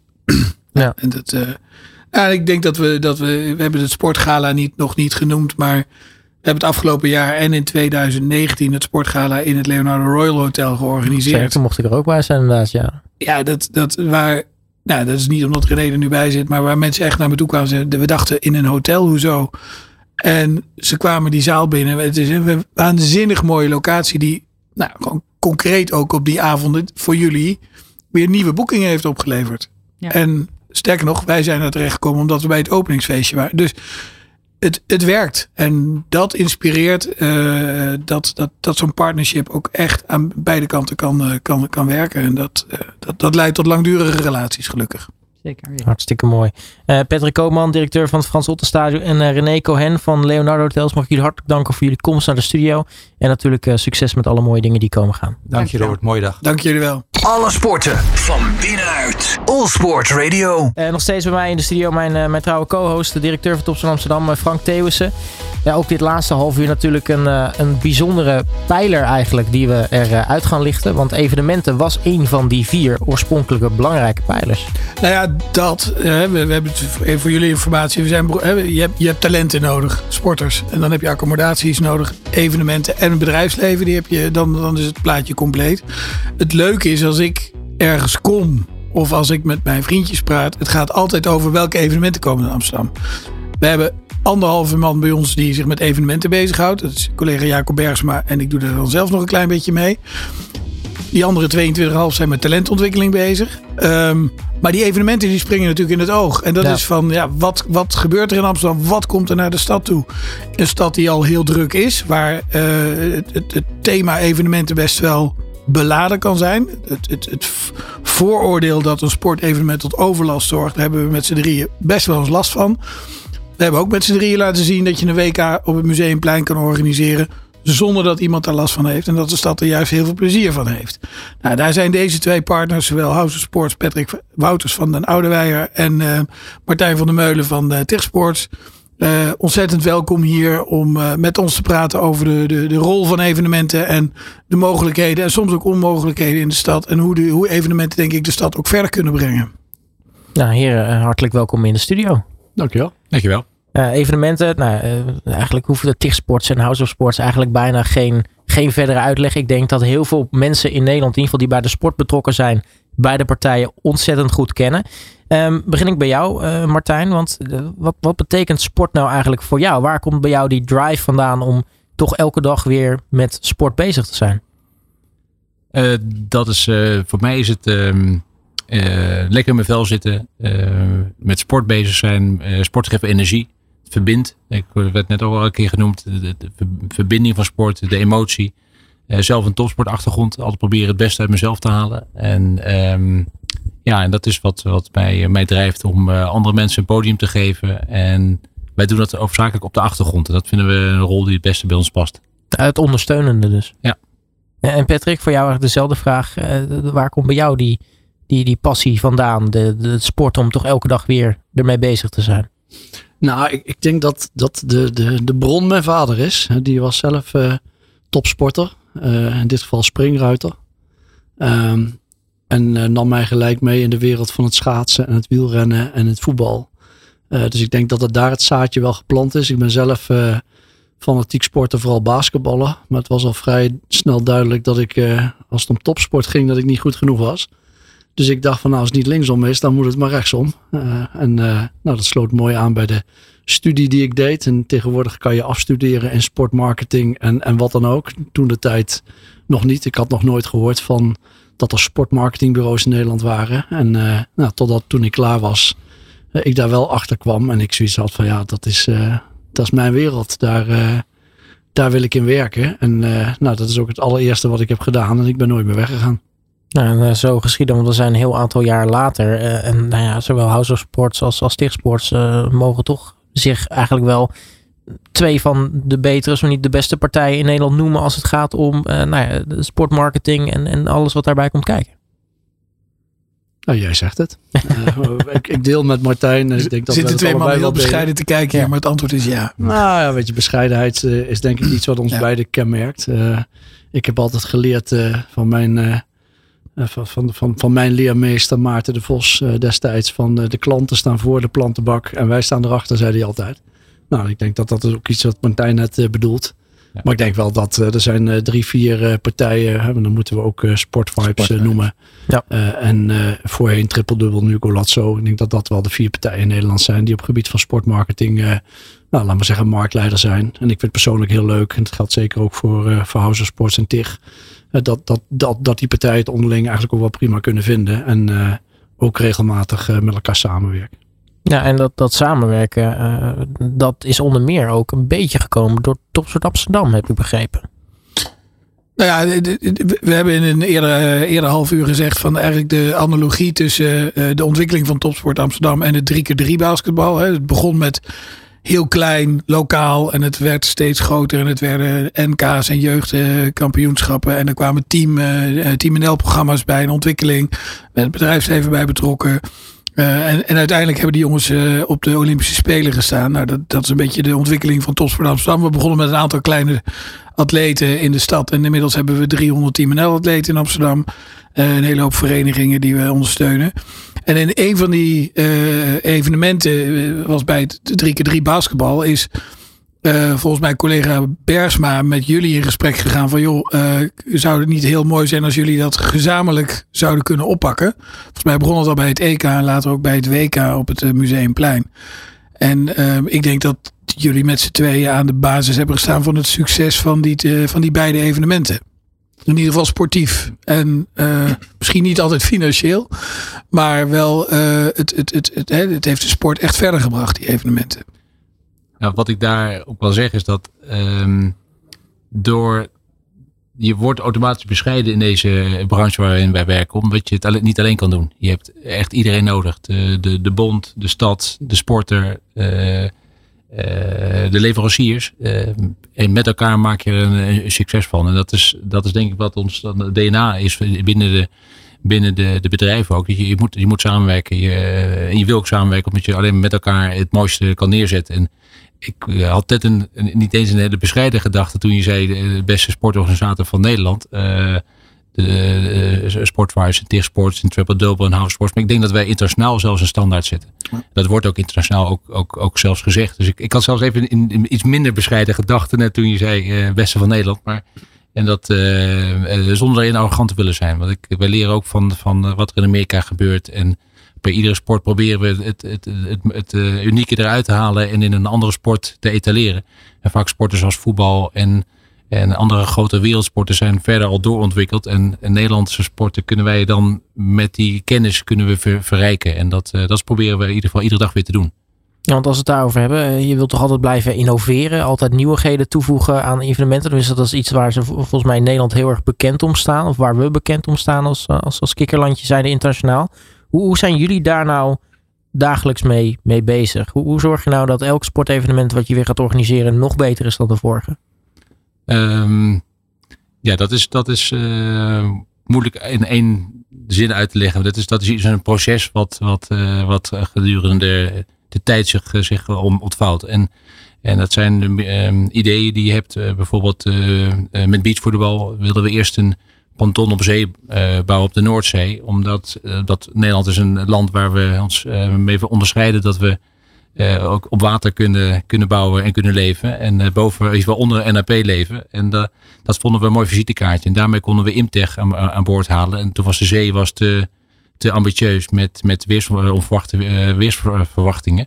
Uh, toen zijn we op de Hofvijver uh, terechtgekomen, wat ook een iconische locatie was. En, en dat bracht ons van, we, gaan in we deden het in vier steden, naar iconische locaties. Toen zijn we ook op de Dam gaan, gaan, gaan spelen. En dat, dat maakte dat evenement uniek met, met mooi weer. En het is een wereldsportevent, maar ook Amsterdam is een wereldstad. Dus daar de stadion werd gevuld met, met, met Brazilianen, eh, met Spanjaarden, met Italianen. Dat was, dat, dat, je voelde de dam gewoon trillen als er een wedstrijd was. En dat, ja, dat is wel heel bijzonder dat je dat met elkaar bij elkaar brengt. Maar dat ontstaat in het proces met met, met eh, overleg met gemeentes wat wel kan, wat niet kan. En dat is, dat is voortdurend een soort, soort samenwerking. En dat, ja, mooi hoe dat zich ontvouwt. En, uh, maar ik kan niet zeggen van dat is uh, één idee van iemand of dat, dat groeit zoiets. En datzelfde gaat voor het EK Atletiek. Dat hebben we toen op de Museumplein uh, de, de, het speerwerpen georganiseerd. En dat, dat, dat, daarmee haal je de, de topsport naar, naar de stad en naar de breedte sport. En, en, en creëer je laat je ook zien waar ook, uh, waar ook subsidiegeld naartoe gaat. Dat, dat het ook veel, veel, mensen, veel meer mensen toegankelijk wordt. En dat is wat we wilden bereiken.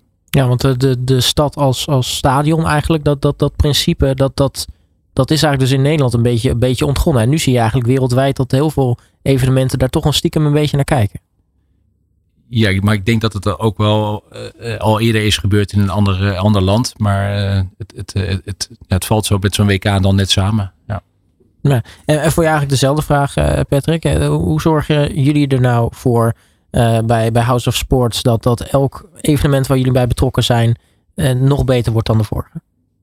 Ja, dat, dat is natuurlijk eigenlijk gewoon onze core business. Weet je wel, daar moeten wij ook iets toevoegen waardoor we het verschil kunnen maken. Kijk, ik denk dat de, de wereld van sport en entertainment, die zijn natuurlijk de laatste 10, 20 jaar steeds dichter naar elkaar toegegroeid. en uiteindelijk Um, afgelopen weekend hebben we vier dagen in Tialf geschaatst. Uh, daar zijn wij dan uh, als House of Sports verantwoordelijk voor de organisatie in opdracht van de KNSB. Ja, en dan ben je continu aan het kijken van hoe kan ik, hoe kan ik die bezoeker nou gewoon vijf uur achter elkaar vermaken. En, en het fundament is natuurlijk de, de, de prachtige prestaties die de schaatsers op de ijsvloer leggen. Ja, en wij proberen daar een hele wereld omheen te creëren, zodat het echt een, een dagje uit wordt met een combinatie van topsport en entertainment. Ja, en dat is iets wat, ja, weet je, dat zit gewoon in ons systeem. Zo, zo, zo, als wij een evenement op tafel hebben liggen, dan, in dit geval is dat dan in Tialf. Maar, maar zo hadden we ook ooit het idee van, joh, laten we eens een ijsbaan in het Olympisch Stadion eh, leggen. En dan zegt iedereen, je bent niet goed bij je. Dan vinden wij het, dan wordt het pas leuk, weet je. Laten we eens gaan zwemmen in de grachten van Amsterdam. Um, nou, zo, zo, zo ben je aan het kijken van hoe kunnen we ook de sport uh, meer naar het publiek toe brengen. In plaats van dat we maar automatisch ervan uitgaan uh, dat het publiek wel naar het stadion komt. Uh, daarom wil de, de, de FIBA ook heel graag dat een EK, WK 3 tegen 3 basketbal op een iconische plek in de stad wordt georganiseerd. Ja, om, maar, om maar die binding met, met, die, met die bezoeker optimaal te krijgen. en met de visitekaartjes die we, die we bieden, en met de events die we met elkaar organiseren, wordt het steeds makkelijker, makkelijker om andere federaties voor sportevents naar Nederland te halen. Omdat ze weten dat wij er een feestje van maken. En dat, um, en dat, dat helpt in de bidtrajecten. En, want het is vaak niet alleen, het, het gaat in deze wereld ook om sport, om geld. Um, en er zijn landen waar veel meer geld beschikbaar is om een evenement te organiseren. Maar de bond die ziet ook dat het, de internationale federatie ziet ook dat het heel veel waarde heeft als er uh, publiek, volle tribunes, sfeer. Uh, want dat is ook goed voor, voor, voor de tv-beelden. En uh, in plaats van alleen maar een, een, een, een, geld krijgen om het evenement te mogen organiseren. Ja. En voor, als je kijkt naar, de, naar Amsterdam, waarom, waarom dit zo belangrijk is. Kijk, de tijd van city marketing voor Amsterdam die is wel voorbij. Het is best wel druk, dus veel internationale federaties verkopen hun evenement met het idee van je put your city on the map. Dan zeggen nou, dankjewel, dan hoeven we niet. Dus we hebben hele andere, wij spreken keuzecriteria of besliscriteria waarom wij een evenement in Amsterdam zouden willen hebben. En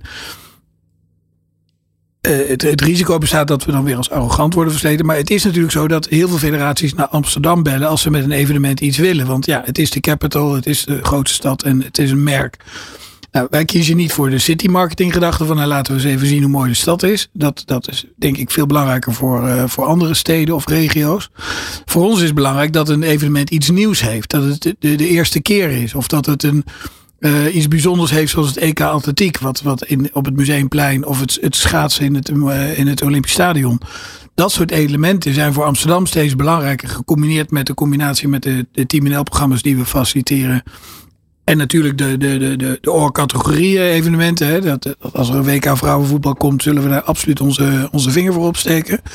Uh, maar dan zijn partijen als House Sports en TIG Sports natuurlijk weer de, de, de clubs die laten zien dat een evenement anders georganiseerd kan worden. En dat het dus een succes wordt. Ja, dat sluit heel mooi aan. En je zegt dan, city marketing hoeft in principe niet meer. Nou, iedereen kent inmiddels Amsterdam, denk ik wel. Uh, en en wat, wat voor mooie plekken er eigenlijk in de stad zijn. Maar uh, hoe kan het decor Amsterdam dan toch bijdragen aan evenementen? Want uh, nou ja, of evenementen misschien bijdragen aan Amsterdam. Nou ja, city marketing hoeft niet meer, maar het is ja, we, halen evenementen niet naar de stad om Amsterdam wereldwijd bekend te maken. Want Ja. er komen geloof ik 16 of binnenkort 20 miljoen eh, eh, toeristen in Amsterdam. Dat is echt een probleem in Amsterdam. Eh, we willen wel ander type toeristen hebben. Ehm, dus daar kan het aan bijdragen. Ik denk dat een sportevenement een heel ander type toerist brengt dan de, de, de, de, de categorie die nu eh, de wallen en eh, eh, de, de coffeeshops onveilig maakt.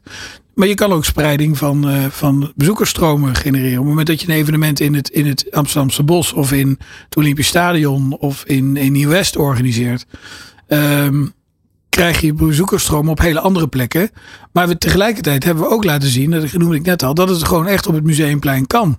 Zonder dat de hele stad vaststaat of dat het een, een, een, eh, eh, een, een, een bende wordt of wat dan ook. En dat was het straatje tussen het verharde en het onverharde deel was gewoon open. En er is geloof ik één mevrouw die twee keer gebeld heeft over een generator. En verder is er, was er niets aan de hand. Ehm, dus een sportevenement kan een stad ook echt verder brengen zonder dat het direct nieuwe toeristen brengt. Maar het kan ook de lokaal. We hebben het in het eerdere deel van deze uitzending gezegd. Het is leuker om het WK hockey in het Wagener te hebben dan s'nachts om drie uur in Pradesh, Uttar Pradesh te moeten kijken, eh, omdat ze daar spelen. Eh, het WK schaatsen stonden mensen 20.000 man in de regen in een poncho te zingen omdat ze het geweldig vonden om Irene, Patrick en, eh, en toen nog Sven daar te zien schaatsen. Dat is leuker dan, een, eh, dan ver weg in een leeg stadion. Maar de de kracht van het, van, de, van het schaatsen in het Olympisch Stadion was, was natuurlijk ook dat we gewoon zes weken lang een schaatsbaan voor iedereen waren. Ja, dat we daar eh, ehm, honderd scholen, eh, iedere dag hadden we vijf klassen met bussen. dat, dat we kinderen gewoon in aanraking konden brengen met schaatsen. Net zoals bijvoorbeeld eh, 3 tegen 3 basketbal. Natuurlijk ook weer zijn, zijn oorsprong vindt in, in het hele urban de urban sports, waar dat heel goed bij past. Urban sports is een belangrijk onderdeel hè, van de, de, de sportbeleidsnota, volgens mij, Frank, van Amsterdam. Ehm, dus je, je bent aan het zoeken naar, ja, naar, naar, naar sporten, hè, en met name ook die breedte sportparticipatie. Eh, eh, dat, dat, is een, dat is dan een hele andere doelstelling dan, dan zeg maar, eh, de, de, de bekende city marketing waar we het net over hadden. Ja, want we horen net al dat uh, nou ja, het halen van topsport, of topsportevenementen naar Amsterdam bijvoorbeeld uh, ontzettend Amsterdam helpt. In hoeverre helpt een, een, locatie als Amsterdam jullie weer eigenlijk in, in jullie job en het, en het organiseren van evenementen, Patrick? Ja, kijk, Amsterdam, wat Frank net al zei, Amsterdam is natuurlijk gewoon een, een wereldstad. Hè? En ook heel veel internationale atleten die, die, die, die, die, Amsterdam spreekt hun aan. Uh, bonden uh, zijn gecharmeerd van Amsterdam. En zeker als je dan ook nog op de iconische plekken in Amsterdam kan komen. Want dat is uiteindelijk natuurlijk wel een groot deel van de aantrekkingskracht. Nou, dat kan het Olympisch Stadion zijn. In ons, ons geval waren dat ook de grachten. En dat is natuurlijk ook het Museumplein. ja, daarin, dat, dat is wel ook naar, naar internationale bonden of andere partijen. Op het moment dat je met, met Amsterdam in je pitch komt. Ehm, maar weet je, er zijn natuurlijk ook andere plekken in Nederland. Het is ook niet zo dat het alleen maar in Amsterdam kan. Nee, precies. Dan zouden we Rotterdam en, en andere steden ernstig tekort doen. Maar, maar dat, je, dat je wel aankomt met een iconische plek, dat helpt enorm. Ja, en Martijn? Ja, daar sluit, sluit ik me bij aan. Het, het is de, de, combinatie van een, een team Amsterdam Topsport die, die professioneel is. Je hebt hotels, uh, restaurants, uh, Amsterdam eh, vliegveld. Het vliegveld niet te vergeten, Schiphol en, en, en KLM die uh, veel directe vluchten heeft op, uh, op de wereld. Um, dus dat, dat helpt allemaal. We, we organiseren al 18 jaar het, het KLM Open, Dutch Open Golf. En dat, um, we gaan nu weer terug naar die International volgend jaar. En dat, dat, dat helpt gewoon. We hebben de 100ste editie in Amsterdam georganiseerd. Mm -hmm. Met Sergio Garcia die daar, die daar won. de 100ste verjaardag van KLM werd gevierd. En en we hebben met z'n allen gegeten met de spelers onder de nachtwacht. En dat soort combinaties die we kunnen maken met zo'n stad, die, die geven gewoon extra cachet aan het evenement. En waardoor, spelers en hun, ook hun, hun partners uh, het leuk vinden om terug te komen. En dat, dat helpt ons om, om, um, om een goed evenement te zijn.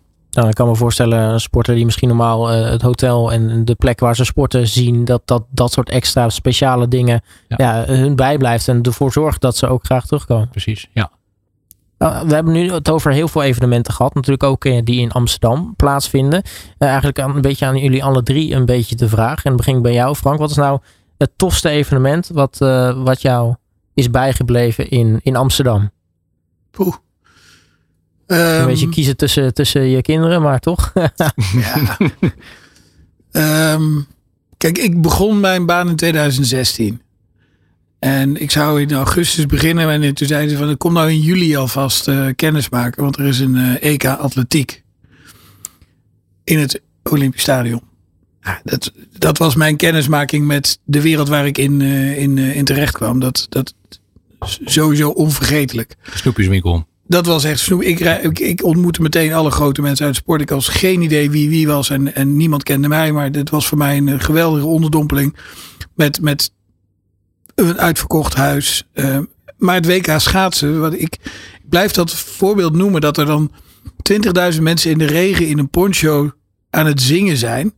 Dat maakt waarom zo'n evenement gaaf is. Dat, dat, dat, dat is me bijgebleven. En een, een derde, ik ga er gewoon drie noemen. Um, uh, en niet omdat die andere twee van jullie, van jullie waren. Maar uh, uh, er is een evenement in Amsterdam dat heet Hooked Gathering. En dat, dat kent bijna niemand. Uh, dat is uh, rond de kerstperiode in uh, ook meer. En het gaat over tricking. En dan komt de hele wereldtop tricking bij elkaar. een paar duizend man, twee, drieduizend man zit dan in, in, in Ookmeer. Ik zie hier zelfs verbaasde blikken om. Ja, wil je eens uitleggen wat tricking is? Ja, ja dat kan ik niet. Dat is een combinatie van. Ik zie die jongens en meisjes sprongen doen en. en, en is een combinatie van capoeira, uh, uh, freerunning. Nou, het is echt sport met je lichaam. Um, jury, uh, maar, maar een echte urban sport waarin ze elkaar beoordelen. Er zit een jury, maar ze, als jij een gave trick maakt en je maakt 16 salto's op één been. Dat, dat heb ik daar echt zien gebeuren. Jouw collega Niels was erbij. Um, en ik zie dat daar ergens in een, in een sporthal in Nieuw-West gebeuren. Waar de, de hele wereld komt daarop af. Er zijn bijna geen Nederlandse toeschouwers. Dan denk ik, daar zou je een Ziggo Dome mee kunnen vullen. Als mensen zouden weten hoe gaaf die sport is om te zien, kan je daar filmpjes van laten zien. Nou, dat is ook een evenement wat mij echt is bijgebleven uh, in, in die afgelopen zes jaar. Um, en, en ik vind het ook leuk om naar de toekomst te kijken van wat gaat er nog komen naar Amsterdam en hoe kunnen we eh, evenementen een onderdeel van het gemeentelijk beleid laten zijn? En hoe kunnen we evenementen bijdragen aan de ambities die Amsterdam als stad heeft? En ik denk dat we die koppeling steeds beter kunnen maken. Ehm, en dat doen, kunnen we niet zonder partijen zoals, uh, zoals hier nu zijn en, en de anderen die net genoemd zijn. Ja, heel mooi. En dan ja, voor jou eigenlijk ook de vraag aan Martijn. Uh, je doet ook een mooi evenement mogen organiseren in Amsterdam. Wat is nou voor jou echt het mooiste evenement wat, je, wat jou is bijgebleven? Die, uh, dan moet ik hem even iets breder trekken. Dan noem ik het uh, Amsterdam aan Zee. Dat is toch wel onze, onze, onze echte. omdat er zoveel bij elkaar kwam. De Dutch Grand Prix het eerste jaar. net uit de, nog in de corona toch, toch mogen organiseren. Als het niet was gebeurd, hadden we een heel groot probleem gehad. Omdat we geen garantiefonds hadden. Maar dat was, daar kwam zoveel samen en zoveel mensen die, ja, die je raakt in het hart dat, dat, dat, heb ik, dat ga ik nooit meer vergeten. Uh, een ander moment wat, wat heel mooi is geweest, is dat beachvolleybal. Dat was ook voor ons eerst uh, echt een eigen risico. Uh, waar we in vier steden tegelijk drie weken lang beachvolleybal organiseerden. En dat was op, het, op, de, op de Dam was de, de sfeer echt fantastisch. En hadden we gelukkig drie weken goed weer. En dat, dat is ook het gevaar met buitensporten die we ja. vaak organiseren. Is, is, je bent zo afhankelijk van, van, de, van externe factoren waar je geen grip op hebt. En, en wij willen als organisator alles uh, proberen te controleren. Maar dat zijn dingen die je niet kan controleren. Dus dat, dat, uh, dat, dat, soort, dat, dat soort momenten dat het dan allemaal goed komt, dan, uh, dan, dan kun je er extra van genieten. Dus dat, ehm, ja, hoogtepunten. Ja, het is nog niet dat jullie, net als China, vliegtuigen of raketten de lucht in schieten. Want het is het aluminium, aluminiumoxide of zo, waardoor het niet gaat regenen. Nee, ja. nee, zover zijn we nog niet. Nee. ja, Patrick, ja, de vraag zag je waarschijnlijk al aankomen. Wat is nou voor jou eigenlijk het mooiste evenement in, in, Amsterdam, wat, wat jullie hebben georganiseerd of iets wat jou altijd daarin zal bijblijven? Ja, voor mij is dat de coolste baan van Nederland. Maar dat komt omdat we ja, een, een, een, een maf idee uh, helemaal van A tot Z vorm hebben gegeven. Is werkelijk niks. Uh, er zijn iets van 5 tot 600 vrachtwagens met materiaal dat stadion ingereden. En er zit niet één vrachtwagen bij waar, waarvan wij niet wisten wat erin zat. Weet je, dus dat je dat helemaal van A tot Z kan bouwen. Uh, nou, dat je dan uiteindelijk drie dagen lang 25.000 mensen van schaatsen kan laten genieten ja, op een plek waar je het niet zo snel zal verwachten. En alles wat dat losmaakte, dat was wel heel bijzonder. En, en daarin uh, denk ik ook wel dat we de, de gemeente Amsterdam en ook Topsport Amsterdam moeten prijzen. Uh, want ik weet nog heel goed uh, dat ik de toenmalige wethouder Erik van den Burg voor het eerst belde. En we hadden daarvoor de Amsterdam City Swim georganiseerd. Wat ook best wel een, dat zou dan nummer twee zijn voor mij. 2000 mensen die de grachten van Amsterdam inspringen. Om geld in te zamelen voor ALS. Met name dat is natuurlijk ja, een, een, een, een heel, heel prachtig goed doel.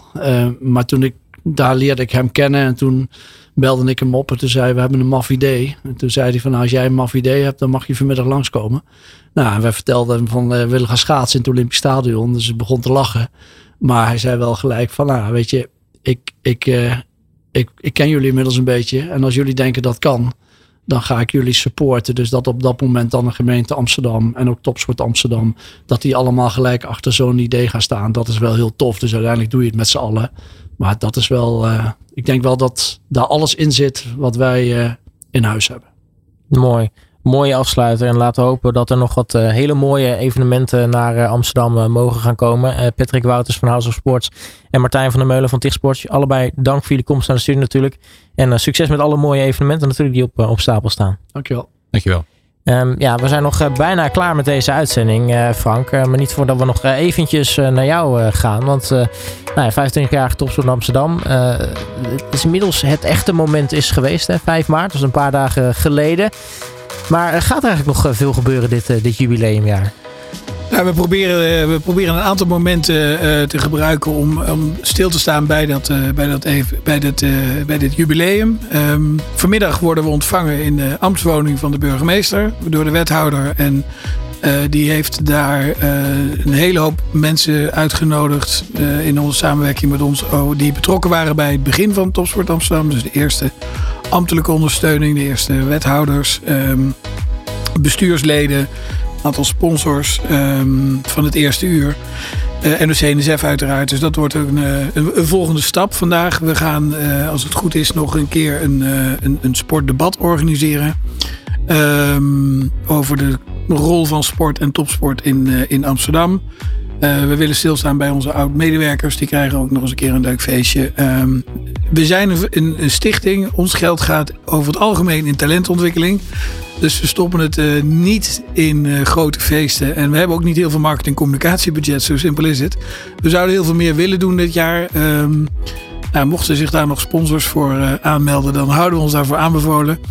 Um, maar belangrijk is, deze week hebben we een aantal hele mooie momenten. Nou, ik vond vandaag echt, uh, echt uh, ook dank aan jullie mannen dat jullie hier waren. We hebben de evenementenkant gehad, we hebben de gemeentelijke en de Team NL kant gehad. We hebben de sporters aan boord gehad. Uh, we hebben stilgestaan bij de, bij de, bij de oprichting.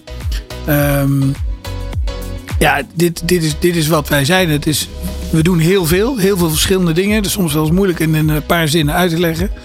Uh, dank aan jullie dat je zoveel tijd voor ons hebt uh, vrijgemaakt. Dat we hier dit, uh, dit verhaal mochten delen. Um, en we hopen in ieder geval, laten we zeggen, minimaal 25 jaar weer, weer verder te kunnen gaan met talentontwikkeling en mooie evenementen in Amsterdam. Ik zou zeggen, op naar de volgende 25, Frank. Graag. Mark Tevens, uh, directeur van Topsport Amsterdam. Dank natuurlijk ook voor jullie uh, bijdrage aan uh, deze uitzending. En natuurlijk heel erg veel succes ook. veel plezier deze week met het vieren van het feestje. mocht je iets van deze uitzending hebben gemist, is dat natuurlijk in de loop van de middag online terug te vinden via de bekende kanalen. Denk aan de website allsportsradio.nl, via de social media en natuurlijk de podcastkanalen zoals Spotify en Apple Podcast. En dan zijn we er komende vrijdag weer met een, nou, een reguliere uitzending. Misschien iets saaier dan, maar een reguliere uitzending van All Sports Radio Live. Onder meer aandacht voor de KPN E-divisie en nog veel en veel meer. Dank voor het luisteren. Ik wens je nog een hele fijne woensdagmiddag. En ik zeg alvast tot vrijdag. Dag. Alle sporten van binnenuit. All Sport Radio.